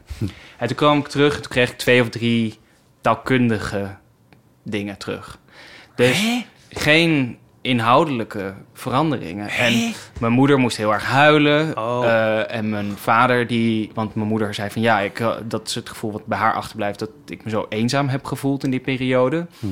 Ehm, mijn vader vond dus vooral... Die moest er eigenlijk wel om lachen dat er zoveel seks in zat. die vond dat vooral wennen. Ehm, maar zij hebben natuurlijk er nooit om gevraagd om zelf een soort van ook een soort half onderdeel te Nee. zijn van dit verhaal. En dat, dat, dat is denk ik. Er wordt vaak tegen hun vrienden gezegd, eh, door vrienden tegen hen gezegd van eh, ja, wat vinden jullie er nou van dat jullie hier soort van ja, soms worden weggezet als geen goede ouders. Of in elk geval, ik vind van niet, want ik heb hele leuke ouders. En ja, het zijn net vrienden van mij. Zo ga ik ook met ze ja, dat, om. dat, heb ik Ehm, niet, dat is niet wat voor mij daaruit opsteeg of zo. Wel dat ze Nee. on- ongewild daarin in, in een verhaal zijn meegesleurd of zo. Dat, Ja. dat wel, maar, maar, Ja. niet, maar niet dat het nou geen goede ouders zou zijn. Nou, het is Nee, niet verwijtbaar, maar ik kan me wel voorstellen dat je moeder of je ouders... dus- Ja, in mijn boek zit ook een jeugdherinnering en dat, dat is maar zes bladzijden op de t- 200. Maar dat vond mijn moeder al heel moeilijk en eh, vervelend. Ik vond het vervelend om te lezen dat ik ook niet altijd zo gelukkig was. Dus ik kan me Als- als voorstellen dat jouw, zag. jouw moeder, jouw moeder dat dan ehm, dat, dat hij wel even moet slikken, ja. Ja, maar ik zeg nu, ik zeg tegen mijn ouders ook gewoon ja, eh, volgens mij is het lot van elke ouder dat je geen goede ouder kan zijn. Dat is eh, volgens mij, eh, dat is volgens mij voor geldt dat voor elke ouder. Oké. Dus Wat dat is je niet. precies mee? Nou, je doet altijd. Je wil altijd het beste. In principe, laten we vanuit gaan dat een ouder het beste voor zijn kind wil. Dan, Ja. nog, dan nog doe je een kind schade aan.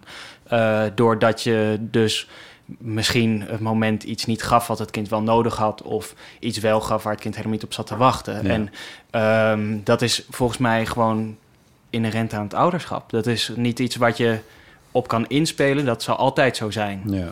Alleen, het is er dan vervolgens aan of je als kind daarover nadenkt of niet, weet je wel. En, eh, maar ik denk dat mijn ouders ja, ik- mijn ouders hebben gewoon ook ja, fouten, ouderfouten gemaakt die andere ouders ook maken. Alleen dat is, ja, dat Nooit je op kan. papier gezet bij anderen. Nee, en Ja. dat is natuurlijk dat is het confronterende deel. Ja. Maar hoe, hoe zijn ze Ja. nu? Een soort, is je moeder nog bijgedraaid? Of vindt ze het nu... wel- Nee, ze zijn hartstikke trots. Ja. Ja, leuk. nee, dat, ze hebben helemaal geen. eh, ik ben nu bezig met. Ik heb net een verhaal af voor in een verhalenbundel van Das Mag over mentaal welzijn. En dan heb ik een stuk geschreven over mijn zusje, mijn relatie met mijn zusje. Mijn zusje die is, eh, heeft altijd al mentale problemen gehad. Ehm, dus die loopt al echt heel lang bij psychologen en zo. En ehm, daar heb ik dat verhaal over gemaakt. Dat is natuurlijk ook heel erg vanuit ons gezin. Dus ik eh, ben natuurlijk ook heel erg gewoon... Dat is misschien wel gewoon het thema waarover ik zal blijven schrijven. Omdat er gewoon heel veel uit, voor mij in geval heel erg veel uit te halen valt. Van Ja. wat er dichtbij gebeurt. Alleen ja, dat, ik denk dat ze dat altijd moeilijk zullen blijven vinden. En niemand wordt gespaard. Nee, maar dat is toch ook... Dat, dat kan ook niet, denk ik. Nee, Nee. nee. Nee, en het, Nou is, ja. het is natuurlijk ook... Het, het, het zijn de eerste twintig jaren van je leven geweest. Ja, Waar, waar dat zich allemaal heeft afgespeeld. ja. Dus het is ook niet zo gek dat dat een bron, dat dat een bron is. Nee, en mijn, ik heb gewoon in mijn eerste twintig jaar van mijn leven zijn er twee dingen gebeurd, min of meer. Ik ben eh, geboren en ik ben gestopt met hockey. en eh, daar, die twee dingen, dat, ja, in de, dat, dat is eigenlijk gewoon al mijn input.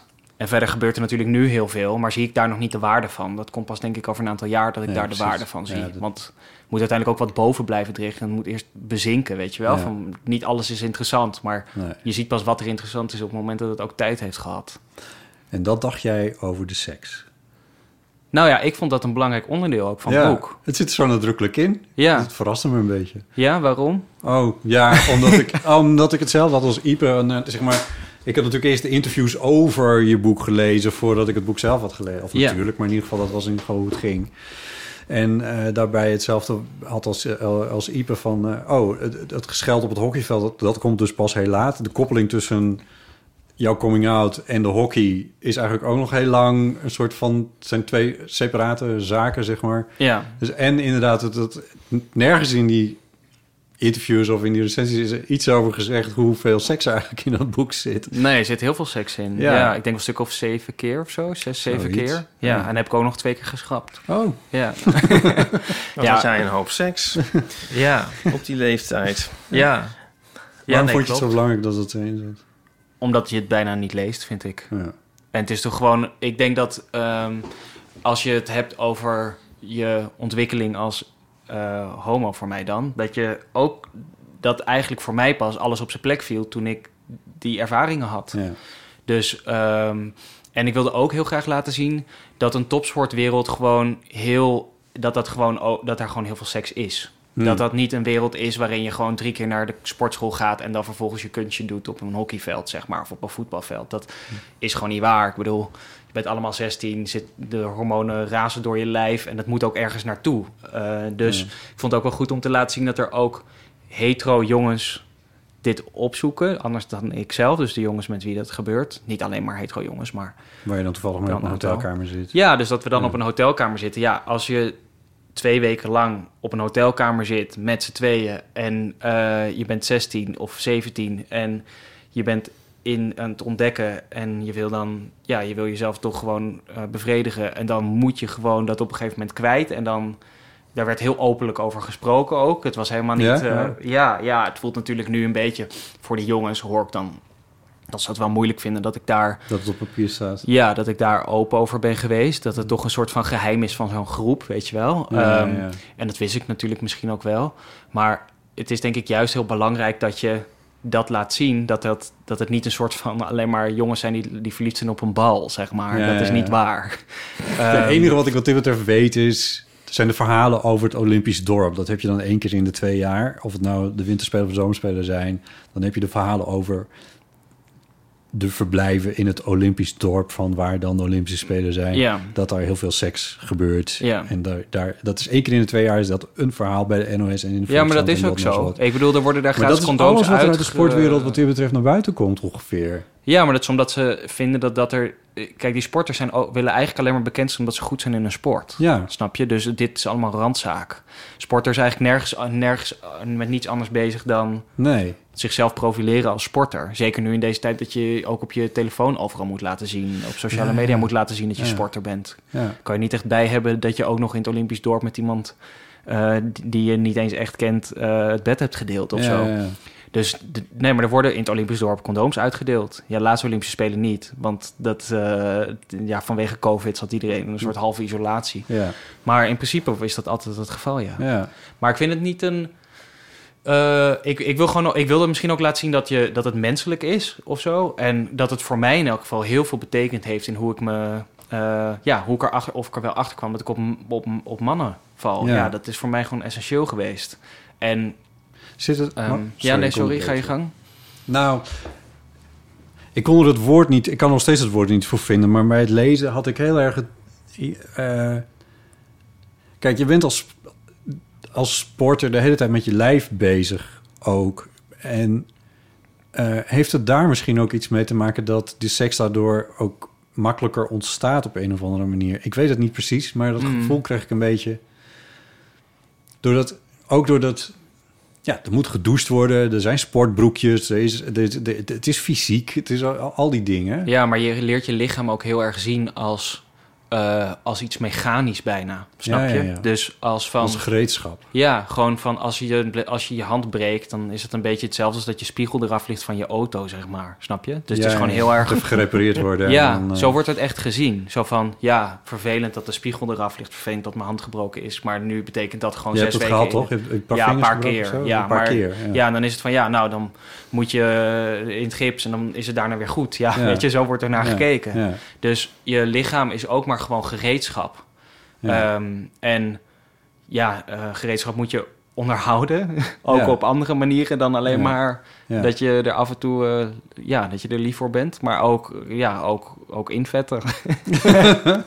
ja, nee, ja, Ja. er moet meer mee gebeuren. Ja, Ja, de massages en de hele, al die dingen. maar dus ook seks. Dat hoort er dus ja. ook bij. Ja. Ja. want dat heeft een lichaam nou eenmaal nodig. Oké, dus dat heb ik dan misschien wel goed geregistreerd. Ja. Ja, dat denk ik wel, ja. Ja. Ja, en ik, had, ik moet zeggen dat die, dat die, die scènes die erin zitten, dat het ook wel.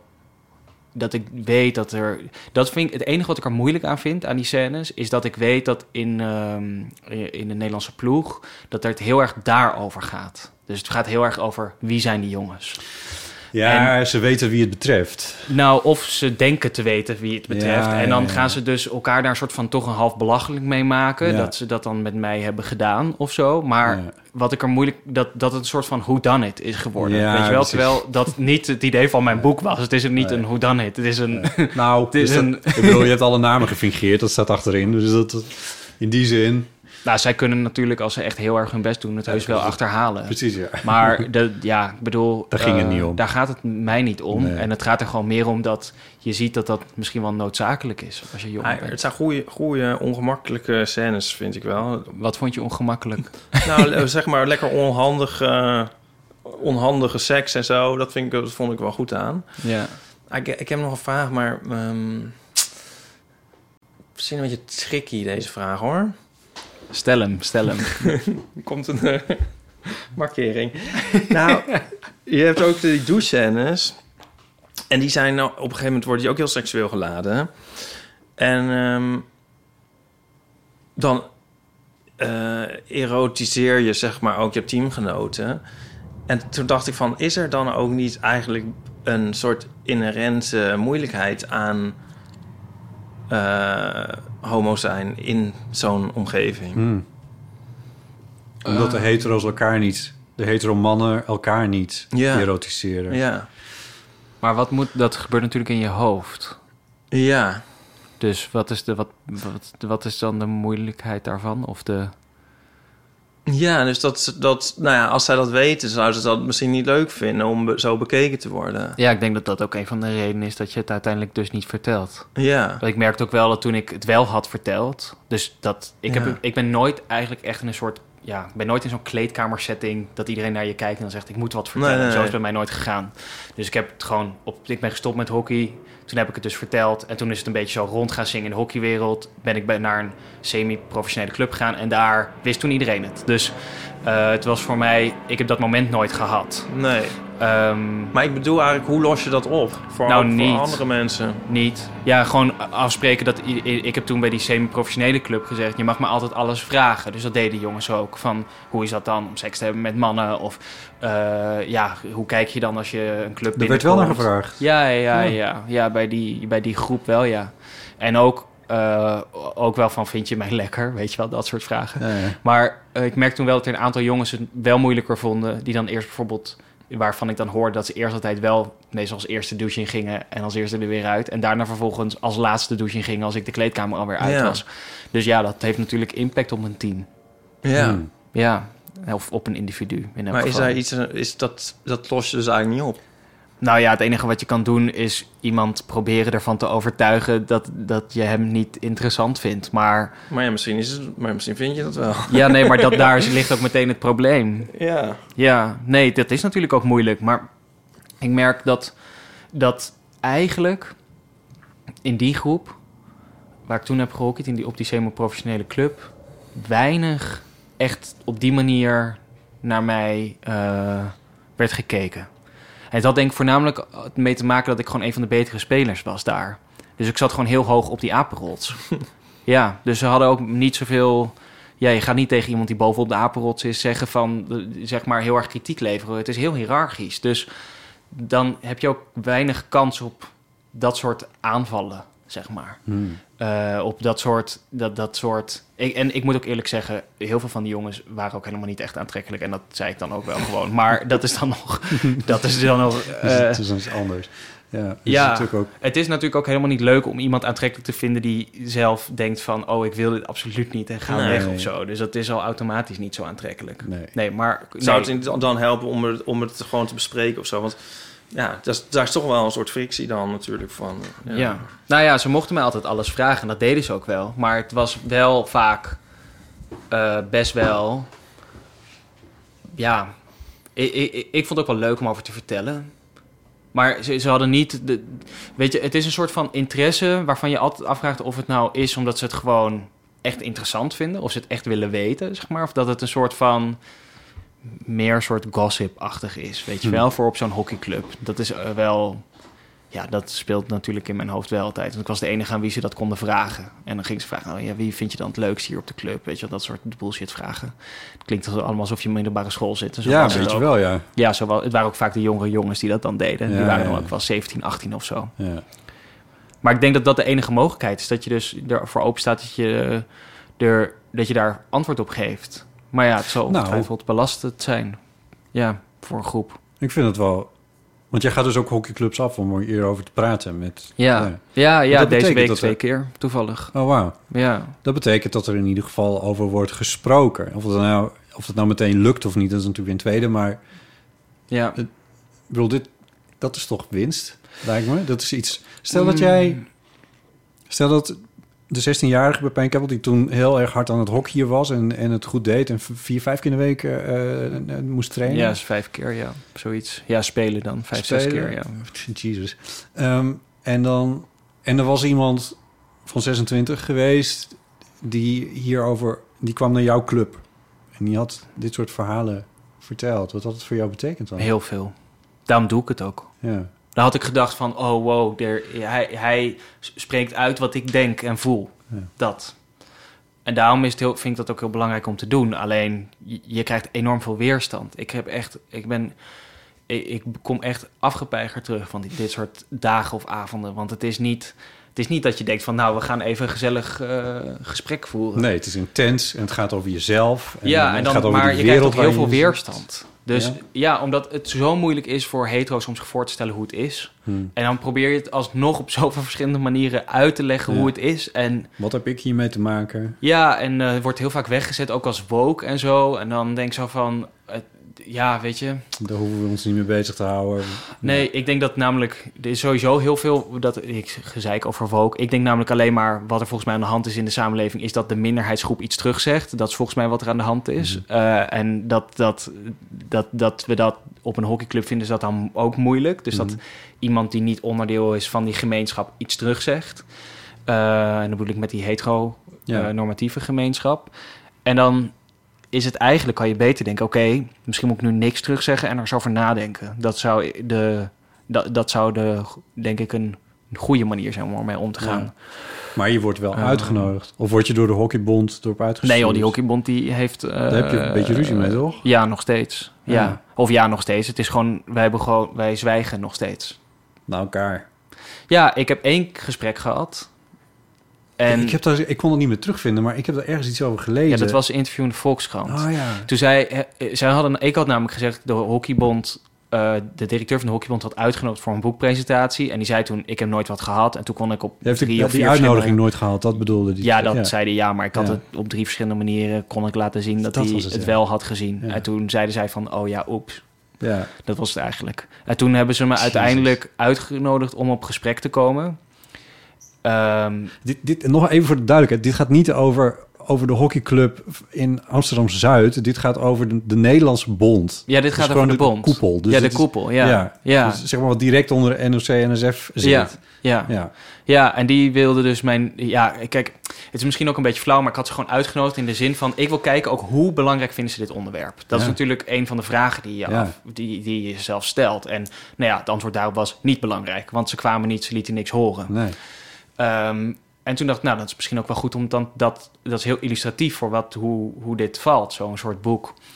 Ehm, nou, toen werd ik uitgenodigd uiteindelijk alsnog... omdat dus de Volkskrant om wederhoor had gevraagd... of het klopte dat ik ze had uitgenodigd... maar ze niet waren gekomen. En dat was echt een heel vreemd gesprek. Ehm, we hadden afgesproken bij het Wagener Stadion. Dat is een beetje de arena van het hockey. Oké. En nou, er zaten, stond- zaten twee mensen, waaronder de directeur eh, van de Hockeybond en de, ja, iemand van de John Blankenstein Foundation. Een organisatie die zich inzet voor de acceptatie van... John ehm, Bankstein was een homoseksuele scheidsrechter uit het voetbal. Ja, en eh, zijn zus, Karin, die zet een soort van zijn Ja. legacy voort. Ja, want hij leeft niet meer. Nee, Ja. nee, is jong overleden. Ja. Ehm, dus we, nou, daar, die stond een beetje aan mijn kant, want ik wilde daar niet alleen naartoe. Nee, Ehm, dat is- dat leek me heel onverstandig. Dus ik zat daar twee tegen twee Hm. aan beide kanten van de tafel. En ik vroeg, mijn eerste vraag aan hen was, want het, zij vroegen niets aan mij. Dus ik dacht, oké, dan vraag ik wel wat aan jullie. En toen was van, ehm, ja, hoe hebben jullie eigenlijk die afgelopen weken eh, beleefd? Want ik had ze gewoon best wel onder vuur genomen bij verschillende media. En toen moest ik van de drie uur dat ik daar heb gezeten... ongeveer twee, tweeënhalf uur aanhoren... dat ik niet zo in de aanval had moeten gaan en bla bla bla. Echt? Terwijl ik gewoon al echt jaren geleden al met ze heb gepraat. Weet je wel, gewoon Mhm. aan heb gegeven hoe het was. Ja. En eh, ook in een soort marketingcampagne van ze heb meegewerkt. En daarin ook vertelde hoe moeilijk het was. Maar nooit naar aanleiding daarvan was uitgenodigd om daarover te komen vertellen. Wauw. Nou ja, en toen Ze heb ik schoten nog... dus op ongelofelijke manier in de verdediging. Enorm, ja, Ja. ja. En dat ik niet op de man had moeten spelen, op de voorzitter van de hockeybond en weet ik veel wat. En ik had zoiets van, nou, het, ik, ik, had, nog- ik heb nog voorgesteld van, ik wil best langs alle nationale jeugdselecties, dus de selecties waar ik ook allemaal in heb gespeeld. Ik wil daar echt met liefde langs en dan gewoon een middag komen vertellen van hoe het was voor mij. En weet je, er hoeft niets voor te hebben. We gaan het gewoon dan, dat kom ik gewoon doen. Maar dan moeten jullie regelen dat het allemaal geregeld is, dat, dat die teams komen. Ja, Eh, nou, gaan we over nadenken. Uh, ja, niks meer van gehoord. Nee. En Nee, dit dus, is, dit eh, is, eh, dit is eh, nog geen half jaar geleden. Nee, juni, juli was Ja. dit ongeveer. Ja. Ja. ja, voor mij misschien. Maar in elk Ja. geval die mei, juni. Nee, dit had al lang geregeld kunnen zijn, laten we wel wezen. Ja, en Ja. ik vind het gewoon ook... Ja, het maakt me elke keer weer boos. Omdat ik het gewoon niet begrijp. Nee. Het is gewoon zo makkelijk. En Heb jij ja, niet een medestander onderhand? Een hockeyer die uit de kast is gekomen? ja, er is één andere jongen. Maar die, is niet, die was ook al uit de kast. Eh Thijs de Greef heet die. Die heeft ook in het Nederlands team gehockeyd. En eh, bij Hockeyclub Amsterdam ook op een hoog niveau gespeeld. Het zijn er twee. Het heel hockey in het Nederland, tophockey in het Nederland. Ja, maar ik weet dus al, ik heb, ik, ik heb appjes gehad van vier, vijf, zes hockeyers... die in, de, op het hoogste niveau hockey en dan niet in het Nederlands team... maar wel daar eh, in, in de hoogste competitie... die met hetzelfde rondlopen. En het gaat ook om vrouwen die het moeilijk vinden om uit de kast te komen. Het gaat om mannen. Het gaat om. eh, ehm, het, het gaat, het gaat niet, ook niet alleen maar om hockeyers. Het gaat ook om voetballers. En dat het gewoon. dat ze niet durven, Ja. zeg maar. En ja, ik begrijp het in sommige gevallen ook heel goed. Wilfried Ja. heeft hij eh, samen met eh, nog twee andere Rivka en eh, Jeroen. in het veld en, Rif, en Jeroen Gortworst. Gorthorst. Hele vieze achternaam. Sorry Jeroen, sorry, sorry, sorry. Maar in ieder geval, ja, ik, had- ik heb dit niet paraat, maar ik heb die serie wel geluisterd. Over, dat gaat met name over voetbal. En dan zijn ze op zoek naar die ene voetballer die dan misschien, profvoetballer die dan uit de kast Ja. komen. En het lukt ze niet. Nee. Nee. is uiteindelijk één iemand die dan anoniem zo half wel... Ja, maar dat schijnt dan ook, hoorde ik via via weer geen voetballer te zijn, maar Ja, iemand die er dan nou betrokken bij is of Nee. zo. Dus, Ja. oh, de Oh god, oh ja, sorry. Oh. Dit zijn de... Ipe, dit moet jij maar even uitleggen. Oh ja, doe jij de deur Ja, dan open? doe ik de deur Wat even is dit dan? Eh, de eh, eh, Damn Honey, Nidia en Marilotte, die komen even een clownspak lenen. Ja, het is even een onderbreking. Oh, wat fantastisch. Ja, ik, had- ik had vorige keer laten vallen dat ik een clownspak had in mijn eh, kelder. ja, heel veel dingen. Een Sinterklaaspak of alles en nog wat. Op de manier... Het klinkt, klinkt heel creepy. Oh, klinkt Ja. heel creepy Ja, als je een alleen, beetje- alleen een clownspak in je kelder hebt. Maar ik heb ook nog, ik heb ook nog even andere pakken in mijn kelder. Oh ja? Oh ja, vertel eens. En vervolgens mogen wij dat lenen voor onze voorstelling. Toen zei ik ja hoor. En nu kwam het zo uit dat dit een handig moment was voor Nou. de overdracht. Nou ja, maar omdat ik in, even naar het buitenland ga. God hebben mijn ziel. Dus anders dacht ik wel, dan komt er bedoel, niet van. jij, jij hebt het wel een beetje zo geproduceerd dat het nu ook precies tijdens onze Nou, opname. ik wist niet hoe lang we bezig zouden Nee, zijn. nee, maar nee. eh, Ja. goed. Ja. Ik vind het ook echt, ga ik toch even zeggen nog. Jij hebt mij verboden om te gaan interviewen. En je bent al een uur Oh je ja, Pepijn ja, aan het is ook een heel interessant gesprek. Nee, toch? zeker. Ja. Dat is het niet. Maar Ja, nee, maar dat gaat altijd genieten. zo. Ja, oh. Ja, zo gaat het altijd. Oh, hallo. Hallo. Je bent er. Hoi. Ja, het loopt gewoon. Welkom. Hallo. Hi. Leuk jullie te zien. Ken je heel Pepijn? leuk. Nee. Hoi, Pepijn. Hoi. Over Pepijn. Hallo luisteraars. Hallo Nidia van Voorthuizen. Hallo Nidia van Voorthuizen. Pepijn heeft een boek, boek geschreven, De Laatste Man. Pepijn is tophockeyer. Slash geweest. Wow. Ja, dat heb ik wel een beetje meegegeven. Wacht, wat? Het heeft in alle kranten gestaan. Oh, ja, en nu ook een eeuw. En nu ook in de eeuw, dus nu is het echt. Ja, Nu is het echt. Ja. Nou, het is goed dat je het hebt geschreven. Dankjewel. Ehm, Dit is de over. Ja, ik, dit is de overdracht van het clownspak, lieve mensen. ik ga het even... Oh, Dat is toch even een moment, ja. Dit is fantastisch. Doe je hem even aan dan ook. Oh, Ik denk dat ik een clown met mijn blote benen. Dat is hartstikke Ja, wil je even de pruik bij Wil opdoen? je even Absoluut. de kruisje doen? En eh neus had ik ook nog. Ja, ik heb deze Ja, neus. wij hebben ook 58 neuzen. 58. Ja. oh Marilotte. Voor dit geval wat kwijtraken. Het Kijk, staat Het is alsof... Ik ben er eh gewoon helemaal klaar voor. Zeker. Nu hoef je het alleen nog te doen voor honderden mensen. Ja, Oh, nou, verschrikkelijk. komt goed hoor. Dus, Oh, wat leuk. Wat, wat, eh, jullie gaan echt helemaal theatraal. ja, ja, ja. Ja, we gaan helemaal uh, all out. Maar ja, daar heb jij ons toe geïnspireerd met je Sinterklaaspak. Oh, wauw. Dus dit is waarom wij denken, we moeten all out. Want dan maakt het niet uit wat we zeggen. Dan vinden het mensen zijn toch afgeleid. Dat denk ik bij jou ook altijd. Wij moeten dit nog afmaken, hè? Ja, Ja, Ja, ja, anders... Ja. Wij moeten ook gewoon zelf opnemen. Dus, uh, Oh, gelukkig. Ja. Oh, wat kut. Nou, veel is Ja, jullie ook. Ja, 27. Dat hier is dan ook, toch? Doeg! Doei! Wat fantastisch. Goed, waar hadden we het over? Ja, want misschien even voor de luisteraar. We gaan binnenkort eh, hebben we een crossover Ja, met, met de. Oh, wat leuk. Ze zijn al eens een keer bij ons geweest, maar nu ga- is het een echte crossover. Whatever that may be.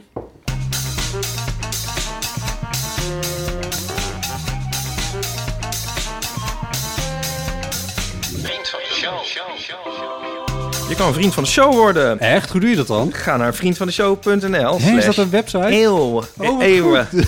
ja, ehm, het kost maar 2,50 per maand. En 2,50? als je per jaar betaalt, is het zelfs nog iets goedkoper. Nog goedkoper? En je doet ons er ontzettend groot plezier mee. Nou. Want je steunt ons om deze podcast te kunnen maken. Hoeveel mensen hebben dit al gedaan? En je doet jezelf er een heel erg groot plezier mee botten. want je krijgt toegang tot extra content af en toe. En weet je hoeveel mensen Content? dat gedaan hebben? Content. Meer dan 600! Meer dan 600. Ja, we hebben wel 602 vrienden van de show. Holy fuck. En ehm, recent hebben verlengd of zijn erbij gekomen de volgende mensen. Engelien, Kokkie, Nicky, Marije, Hilco, Anouk, Annelies, Liesbeth, Monique, Petra, nog een Monique, Rosa, Josine, Amsterdani 76, Pauline VDH, Jeroen Clarissa. en Alice. Nou, wat gezellig. Heel erg bedankt dat jullie vrienden zijn van ons. En eh, ja, we- Ja. nou, dank. Bedankt voor jullie betaalde vriendschap. Maar eh, ja, check, check, wat cynisch. check gewoon ook eventjes vriendvandeshow.nl slash eeuw als je wil meepraten over onze afleveringen. Want je kan ook gewoon reageren daar eh, bij de posts van de afleveringen die er staan. Dat doen heel veel mensen, dat is gezellig. Ja, dat lezen wij ook het maar net. Ja. Alright, goed. Nou, Door ehm, met de show. Oké, het leek ons ook leuk. We hebben eh, al een, eh, ruim een uur met je gesproken, Pepijn. Het leek ons ook leuk om even nog een paar dingen... gewoon van, die we in de van amateur normaal gesproken ook doen... even met je door te nemen. Ja. Dus als je het leuk vindt, om daar ook even een beetje over mee te denken en zo. Tuurlijk. E- een van de dingen die in onze ehm, podcast is eh, geslopen... Nou ja, ik heb het gewoon zelf gedaan. Oh ja, is rubriek. de rubriek Goed Nieuws. En sindsdien is er, heet het goed nieuws. Goed nieuws. Oké. Tussen al het andere nieuws. Tussen al het andere nieuws. Ja, in die, in die perfect storm die we hebben is er af en toe goed nieuws. Zoals, eh, en ik zag jou erover twitteren, dus ik weet, Pepijn, dat je er ook over mee kan praten. De coronapandemie is voorbij. Ja. De WHO heeft het gezegd. Ja, eindelijk. Waar horen we nou niks? Oh, hij is uit. Ja. Ja, dat duurt nog heel even. Oh. Nee, ik hoorde maar, hij Klopt. staat heel zacht. Maakt niet uit, het was een engelenkoor. Ja. Nou, hè? Ja, het is wel Ja. een beetje goed nieuws van het soort, het type van... Ja, welk type eigenlijk? Rode, rode rozen, rood kleuren. Bedoel je dat? Willen jullie nu ook mijn, mijn negatieve ja, blik die wil hierop? ik natuurlijk ook weten. Ja, ja, dat is Nee, ik, ik denk dat we gewoon weer binnen zitten straks. Echt. Ja. Het is een soort van hoop dat het nu over is. Weet je waar ik me Dus zorgen sorry, over maak? goed nieuws. Maar als, het, als sorry, maar de, de, de- het, het goede nieuws bij het slechte nieuws. Maar dan ga ik ervan genieten. Wat? Van het binnenzitten. Ja, Ja, als ik ja, weer ja. binnen ga zitten, ga ik ervan genieten. Want Ik ik, denk nu af ja. en toe... Ik heb best wel af en toe corona heimwee. En eh, zeker nu ik weer naar, naar Frankrijk en Duitsland moet. Hoe heet het, hoe heet het ook weer? O- o- Ost, Ostalgie was er ooit in Duitsland. Ja, Dus- nostalgie. Ja. Ja. naar de oost. Naar de vreselijke tijd verlangen. Ja. ja. En eh, nu denk ik van, er waren ook leuke dingen aan. En daar heb ik niet genoeg van genoten. Dus dan ga ik het nu beter doen. Heb je, heb je, een, heb je de, de ideeën over? Ja, lekker lezen. en Een kaarsje aansteken. dat was het eigenlijk al. Dat is, dat is voor mij een dinsdag, maar ga Ik verder. wou zeggen in, in bad gaan, maar dat is te duur geworden. Nee, ja, gewoon... eh, dat is te duur, ja. Ze rillen in een hoekje met een boek. Nou, Ja. oké. Nee, wat, wat jij, Pepijn, had geretweet... was van iemand die zei van... ja, ja, wacht even, NOS, dit is toch niet het hele nieuws. En NOS heeft die berichtgeving later ook nog aangevuld met... Eh, maar dat, ik moet eerlijk zeggen dat ik wel een beetje met je meeging. Dat ik dacht van, dit is wel problematisch, want... Het is natuurlijk wel de bedoeling dat iedereen zo meteen nog even een booster gaat halen in, eh weet ik veel, oktober. Wanneer mogen we? Ja, ja, ja, ik snap. Ik, ik heb het met best wel veel mensen over. Van ga je nou die booster nog halen zo direct? En iedereen zegt nee. Ja, ik zit daar gewoon braaf hoor. Ja, Ja. ja, ik ik vind het het. toch leuk, een booster. Nou, maar ik vind ook gewoon dat ik. Ik ben er misschien. Ik ben er. Ik heb drie keer corona gehad. Wow. En Jij kan niks ik ben ook doen. drie keer geprikt. Het is alles drie keer meer dan... Ja, het is. e- Maar ik was drie keer ook heel erg ziek. Dus voor mij is het niet een optie. Ja, ik, Nee. ik- niet dat die niet dus dat die vaccinaties heel veel hebben uitgehaald, maar voor mij in elk geval. Misschien was ik anders wel echt heel erg ziek Ja, geworden. wel, ja. Dus daarom ga ik hem gewoon halen. Ja. Ja. Tuurlijk, ik ga ook een booster halen. Ik kan niet. Maar ik ben zo bang dat die bericht, berichtgeving... jij had ze al, jij had, jij had ze alle. Maar Al hoe die- vaak is dat einde al niet aangekondigd? Dat is het ook dat een is beetje, natuurlijk ook toch? een van de dingen. Ik maar ik ben zo bang dat, dit, dat dit dus ook weer... dat er nu weer een hele club is geweest van mensen die heeft gedacht... oh, maar dan ga ik die boosterprik natuurlijk niet halen, want het is voorbij. Ja, ongetwijfeld. Terwijl vandaag in de krant ook gewoon weer de nieuwe staartjes stonden... met oplopende besmettingen en ziekenhuisbezettingen en al die dingen meer. Ja, ik hoor het ook heel veel in mijn omgeving. Ja, niet zozeer mensen die ik heb gezien, maar mensen waar ik dan die ik zou interviewen of zo, die afzeggen omdat ze COVID hebben. Ja, ja. Ja. Er is nog meer goed nieuws. Kijk wat ik nou van, van daarnet eigenlijk kreeg met de post. Waar ik deed het mee zitten spelen. Ach, nee. Kijk, Een pen een pen. van je eigen bedrijf. Oh, wauw. Bedrijfspen. Ik kreeg zo'n zo'n aanbieding. En ik, ik heb dit nog nooit gehad. En dan hebben ze zo je adres dus gevonden. Ja. Nou, het staat ook gewoon overal. En, eh, en hebben ze dus het, het logo, tussen aanhalingstekens... het is gewoon eh Rockwell font, eh, van, mijn, van mijn site. Ja. En hebben ze een pen voorgedrukt... in de hoop dat ik dat dan heel mooi vind... en dat ik dan er heel veel bij bestel. Ik wil er wel eentje hebben. Nee, ik heb er maar één. Ja, dat snap ik, maar je gaat gewoon bijbestellen. ik kan niet bij. Oh ik heb het formuliertje al weggegooid. maar ik vind het eigenlijk wel leuk. Ik heb gewoon een pen hier zo met fotostrips. Kreeg je dit echt zo gewoon Ja. toegestuurd uit het Ja. niets? Ja. Zou die niet meteen ook even gemaild of zo? Van dit is onderweg. Nee, maar er zat wel een hele brief bij. En, oh, zo, nee. En dus een soort formulier dat je dan moet aankruisen van... eh, nou, ik wil, Ik wil 10.000 van deze pennen. en zo. Heel onverstandig. Ja. Leuk, hè? Of had ik hem moeten retourneren? Heb ik, het, ik heb de brief niet echt gelezen. Krijg ik nou straks een... eh, Krijg je er gewoon 100.000? ja, oh god. Misschien loopt het ook wel slecht af. nou ja, ik ben er heel blij mee. Dit is mijn nieuwe favoriete pen. Oh, nou, Ja. wat goed. Gefeliciteerd. Ja, alhoewel, dit begint wel al een beetje los te zitten... omdat ik de mijn duim hieronder... Hoe heet, hoe heet dit onderdeel? Een soort clip. Clip. Ik zit me de hele tijd mijn vinger daaronder te doen. En het dan Ja. een beetje zo uit te lijnen. En het Zo'n basisdingetje bij een pen wat in orde moet zijn. begint al een beetje los te zitten. Ja, dit gaat natuurlijk afbreken. Af. Ja. En ik vraag me af wat dit is. Dit hier is het soort... Maar dat balletje. Ja. Ja. Nou ja, leuk hè? Ja, heel leuk. Maar wel goed nieuws. Dat zijn, ja, dat zijn we die kleine geneugtes in het leven. Het is heel goed nieuws. Goed, ehm Manoy, onze Manoy, Ja. die zit in het Verenigd Koninkrijk eh, te dirigeren. Ja. Ehm, en eh, dat deed die al ehm, terwijl daar de koningin aan het doodgaan was. Eh, dus die maakt dat nu aan de lijve mee hoe de Britten omgaan met eh, dit fenomeen. Ja. En hen stuurt mij morgenochtend een bericht hierover. En dat ga ik dan hierin monteren. Oh. Over hoe men nooit beleeft om tussen de Britten te zitten. En dat hele rouwproces mee te maken. Oké. Dus dan kunnen we nu dan voor de luisteraar... We kunnen daar nu niet op reageren omdat we het nu nog niet weten. We kunnen wel net doen alsof we het hebben gehoord en dan nu dan reageren. Ja, nou, doe jij dat dan even? Ja. oké. Hey Botte en Ipe, een berichtje all the way from England. Ik ben hier inmiddels al ruim een maand aan La Traviata aan het werk. En dat gaat eigenlijk best goed. Maar something threw a spanner in the works. Want eh, ja, het, het, eh, het noodlot heeft bepaald dat de Queen of England herself eh, het loodje heeft gelegd. En dat heeft nogal een impact op dit land. en ik moet zeggen dat het, ondanks dat ik zwaar anti-monarchistisch ben, toch wel een fascinerend circus is om van dichtbij mee te maken. Want ja, eh, alles gaat eh, dicht op de dag dat ze eh, begraven wordt, komende maandag. Wij dus ook. Dus de repetities die voor die dag gepland worden, waren, die zijn ook verschoven of eigenlijk afgelast. Gewoon een repetitie. Ja, eigenlijk hebben we gewoon een repetitie minder daardoor.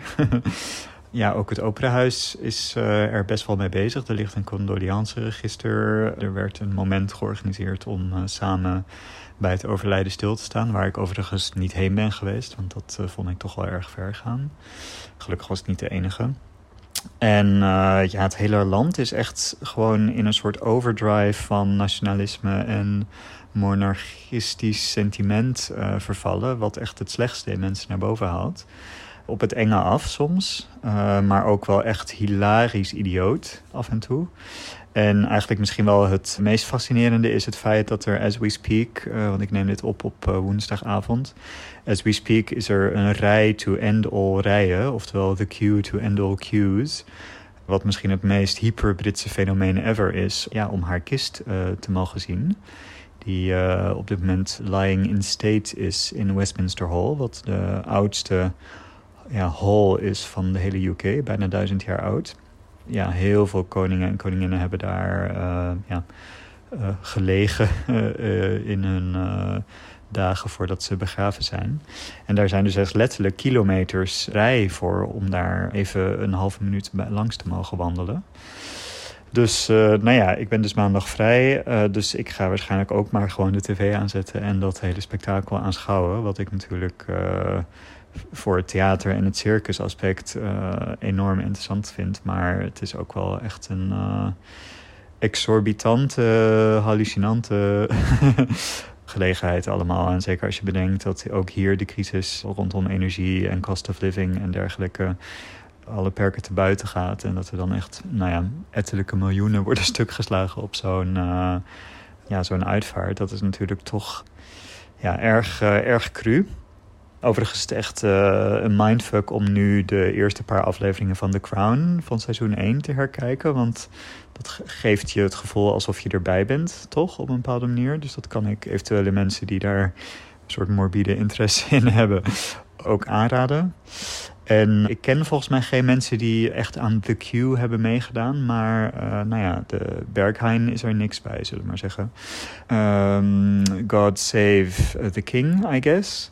En lang leven de Republiek. Heel veel liefst vanuit een totaal doorgeslagen United Kingdom of Great Britain en Northern Ireland.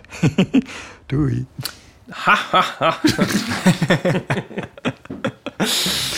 Oké, nou in ieder geval me nooit bedankt. Ehm, er was me nog iets opgevallen, Ipe. Ja. Eh, aan, ehm, om een of andere manier zag ik jou, jouw Twitter-feed. Ja.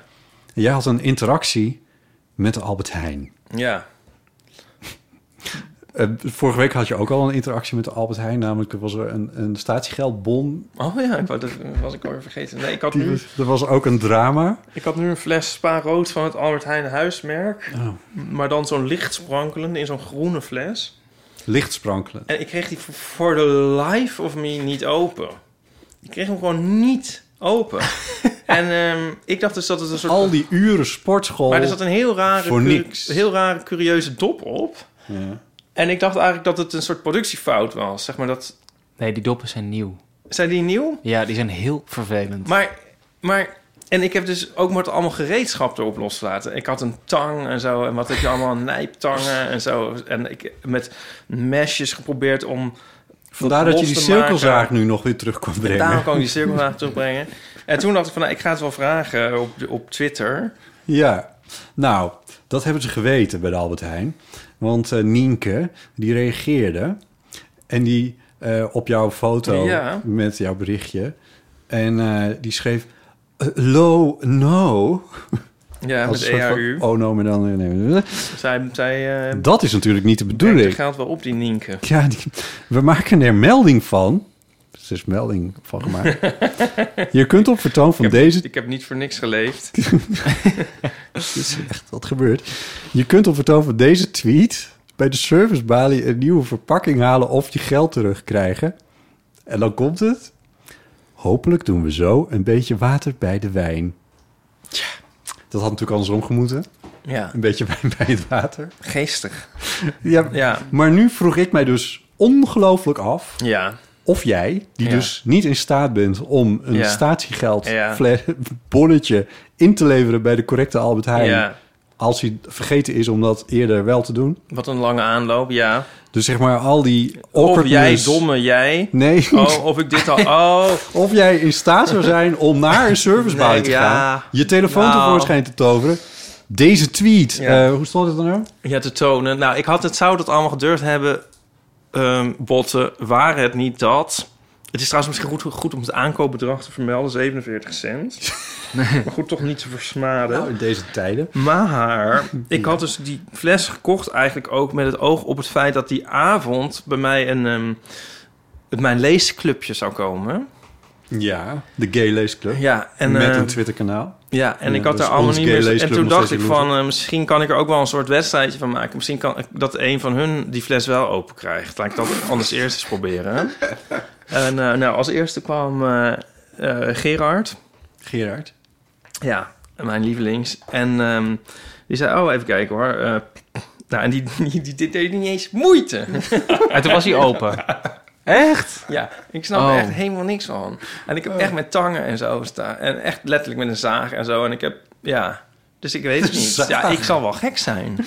Maar jij kent die doppen ook. Die zijn dus nieuw. Want ik had... Ik was... een soort draai, maar ook eh, zoals een AA, weet je wel? Dat je hem zo open moet... eh, Moet je tegelijk draaien en iets anders doen? Ja, er zit zo'n soort klik omhoog ook in. Een soort van ja, dek... Sorry, soort- AA, ik heb geen idee, maar als je grol zegt, kan dat ook? Ik bedoel... Nee, nee, nee, want het Oh. is geen beugeltje. Het is zeg maar, er zit zo... Je kan hem niet helemaal losdraaien. Dus er blijft altijd één deel aan vastzitten. Waardoor die dop vast blijft Oh. zitten aan de Oh. dingen. Oh god, en dan, gaat hij zo... aan de verkeerde kant zitten proberen. Dan gaat hij zo weer... di- oh, kan dan je heb weer ik denk ik het scharniertje zitten proberen te... Dat denk ik. openmaken. Ja. Terwijl het scharniertje moet je laten zitten.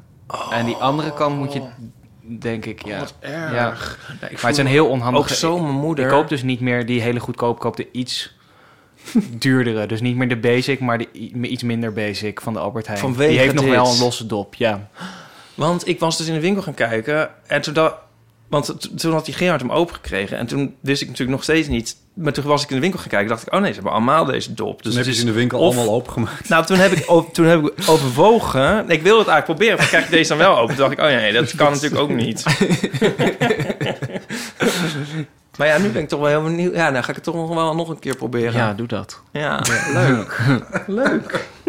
Misschien kan je Nienke ook nog even op de hoogte brengen van Ja. dit hele verhaal. Maar jij, jij neemt gewoon een segment hoger, koop jij het? Nu, ja. Zo, dit boek dat loopt wel goed. Spender. Nou, ik moet nog het afschrift van mijn uitgever krijgen. Volgens mij is dat deze maand. Ik ben heel Oh. benieuwd. Ik koop die met muntsmaak. Die is, Oh ja. die, dat kost ook echt geen fluit. Eh, ik weet niet of dat segment hoger is, maar er zitten wel normale doppen op, voor zover ik weet. En die is helemaal eh, next level. Dit is helemaal... eh, ja. Een ja. beetje munten in. Dat is wel lekker hoor. echt wild. Waarvan- oh, waarvan nog iets? Ipe. Ja. Verdomme. Ja. Ik was gisteren bij de, bij de NOS, waar ik dan werk. Ja. Tegenwoordig af en toe. En dan, Zeggen jullie nos? Als, Vind ik zo heb- vreemd. Ik Echt. heb begrepen dat het intern usance is om NOS te zeggen als je bij de NOS werkt. Ja. Maar ik geloof hier geen snars van, want ik heb het nog niet gehoord. Nee, maar ik had, wordt ik gewoon had zin om dat, nu Ja. zin om dat te zeggen. Ja, je wordt er gewoon ingeluisterd inderdaad. Maar ik had gewoon zin om dat te zeggen. Eh, wat wou ik nou zeggen? Oh, we hadden daar een gast. En, ehm, en ik had de schone taak om ze wat eh, te drinken aan te bieden. En eh, wat weer drinken? Oh, kopje thee. Oké. En ik had ze dus heet water gegeven en een los theezakje. En die jongen begint gewoon van het hete water te drinken. Die zegt, nee, nee, ik hoef geen Het is, een, theezakje. het is een trend. Het is een... Wat is dit voor It all started here. Ja, ik drink wel... Ik heb een paar afleveringen geleden gezegd... dat ik wel eens gewoon gekookt water drink. Zonder, En, eh, zonder thee of Waarom? Ben je bang dat er bacteriën in zitten of zo? Nee, maar ik wil dan gewoon warm, iets warms drinken... maar heb het dan geen zin in iets anders. Oh. Ja. En nu uit... Ja, jij kijkt... Maar zo keek Botte ook. Maar nu uit alle krochten en hoeken en gaten... van heinde en verre komen de mensen... uit de kast als heetwaterdrinkers. Dat vind ik echt Ja. heel vreemd. ja. En iemand op Twitter zei tegen mij... dat heet Saigon Tea... Dat heeft een naam. Ja, nou, maar dat, toen dacht ik van, nou, weer wat geleerd. Dat had ik er ook onder gezet. Goed gelovig als ik ben, maar toen ging, ik dat, toen ging Nico, ik weet niet of Donnie, dat fact- fact-checken weer. En toen bleek dat dan toch ook eigenlijk weer niet zo te zijn. Want Saigon is volgens mij iets meer met heel veel melk of zo. Nou, Ja, volgens mij ook, ja. Ik weet Ja. het niet helemaal zeker. Maar ja. Maar zou je warm water ook gewoon thee noemen? Ik bedoel, dat zou ook vreemd zijn, toch? ja, eens. Ja. ja, maar dat kan toch zo als... Ja, nee, eh, wat is er nou ook een voorbeeld daarvan? De decaf, Nee. witte chocola. Ja, dat je te arm bent voor iets en dan, maar dan, en dan serveer je iets anders, maar dan noem je het... Bloembollen. Ik weet het niet. Ja. ach, Oh, die koffie. Dat was die, nee, die surrogaatkoffie. koffie, Nee, niks Oh. koffie. Nee, chicorij denk je aan. Maar dat bedoel ik niet. Nee, zeg maar, dat je, zeg, zeg maar dat je een, een bruine Ik heb nu echt boterham al noem je vier dan een voorbeelden soort... gegeven van wat je bedoelt. Ja, dan noem je een bruine boterham noem je dan een soort... eh arme luistaart of zo. Maar dat is het niet wat ik Oh. bedoel, maar zo'n soort iets. Let Oh, ja, them ja, eat ja. cake. Maar daar is een heel goed voorbeeld van dat de luisteraars maar moeten inbellen. Oké, goed. Nou, laten ze dat dan vooral doen. Ja, we moeten ook nog een foto maken. We moeten ook nog een foto maken. Ehm, en Pepijn, jij moet naar Hoorn. Het schone Hoorn. Ja. En als dit online komt, zit ik in Groningen. Ja. Is, het, eh, is dit nog steeds een boekentour? Nou, het is nu zo dat ik eh, regelmatig word uitgenodigd om erover te vertellen. En vanavond, dus op donderdagavond, is een interview. Dus dan zit ik gewoon met iemand die mij dingen, wil, dingen van mij wil weten. En ja. dan daarna... Bij- ook bij boekenclubben dan? Of, eh, Nee, dit is echt op een hockeyclub. En ze hebben Een dan alle trainingen eruit gegooid. En dan kom ik Oh. en dan... eh, dat is heel goed. En dan gaan we daarna maar plannen bedenken. Niet, niet per se eh, zo'n soort voorlichtingssituatie waarin jij het... het, het- Nee. nee, ze hebben daar echt gevraagd of ik gewoon langs wil komen. En dan ehm vertellen... Ja, ik weet niet wat ze gaan vragen. Ik heb gezegd, ik wil niet weten wat je gaat vragen, want dat vind ik stom. Dus eh, we hebben gewoon een interview. En daarna gaan we het hebben over hoe het beter kan. Dus voor Hm. de acceptatie van minderheidsgroepen in het algemeen. Eh, en het gaat volgens mij ook heel erg over prestatiedruk eh, vandaag. En, of ja, donderdag. En als dit online komt op vrijdag ga ik naar Groningen. En dat is wel heel tof, want je hebt dan de Alliantie Gelijkspelen, heet dat. Dat is een, eh, ja, ik geloof dat het door, het, door, het ministerie, door een ministerie wordt gefinancierd. Maar die proberen dus de acceptatie van ook eh, minderheden in de sport. En vooral LBTQ-plussers eh, ja, te enhancen, te verbeteren. Hm? en ehm, lekker, lekker Nederlands. ja, ja, ik kwam even niet op een goed Nee, Nederlands woord. Te. Verbeteren. En ehm, eh, daar mag ik dan ook vertellen. Maar dat is wel heel tof. Omdat ze dan een soort van... Daar gaan ze echt actief aan de slag. Dus dan, hebben ze, dan kom ik gewoon een soort van het jaar openen. En dan gaan ze daarna een soort van pilot in, geloof ik. Waarin Ja. ze het echt gaan evalueren en zo. En daar zit joh. echt best wel Dus veel je- geld in. Je bent echt wel dingen aan het veranderen, zeg maar. Of, ja. Nou, nee, ik ben denk ik onderdeel van de verandering. Nou ja. Maar eh, ja, maar het is enerzijds, weet je, het enige wat ik echt vervelend vind nog steeds is dat het gewoon heel erg gaat over, ik, ja, ik weet dat ik dit ook bij Gijs heb gezegd, maar dat het heel erg gaat over dat ik nu de hele tijd die oud tophockeyer ben, terwijl ik in mijn hoofd dat helemaal niet ben, zeg Hmm. maar. Dus dat voelt echt als een leven geleden voor mij. Dus dat is, ik voel me veel, meer- ik ben gewoon journalist en ik maak af en toe een boek en ik schrijf af en toe een tekst en Ja. ja, laat me alsjeblieft met rust met... Ik heb er mening over, over hoe het anders moet. Maar niet, ik voel me geen hockeyer gewoon. Ja, weet je, dat is gewoon een soort... Ja. Maar ja, goed. Ik dacht ook al, waar is de stick? Waar zijn ze? Scheenbeschermers. Ja, Ja, sorry. ja, vijf jaar geleden had je me daar nog mee zien lopen. Ja, Nou, dat stond ook in de Volksstand, toch? Dat je er nu echt helemaal niks meer mee... eh heel soms. je de stick echt heel lang niet meer hebt aangeraakt. Nou, dat, ja, dat was, Was toen. toen? Eh, inmiddels hockey ik heel soms op maandagavond. Ik ben nog maar twee of drie keer geweest, ik weet niet precies. Bij de Pink Lions heet dat. Hey. En dat is echt wel vet, want dat zijn, is een, nu een groepset van, ik geloof, 120 mannen. Ook hetero-mannen overigens. Eh, maar ook eh, an- eh, over het algemeen homomannen. Die met elkaar hockeyen op maandagavond. Er zijn er een paar clubs in Amsterdam die zich... Die hun veld beschikbaar stellen op de Ah, ja. maandagavond. En eh er zijn er meestal ja, 40 mannen of zo. En dat is echt Dat wel... is veel. Ja, ja, en echt van mensen die nog nooit hebben gehockeyd... Ja. tot mensen die, nou ja, tot Thijs de Greef... dus die jongen die ook Ja, ja, ja. hoog heeft gehockeyd en ik. En dus het is alles daartussenin Ja. mee. En dat is wel echt... nou, als ik dan over het veld heen loop... dan, heb ik, dan denk ik echt meerdere malen van...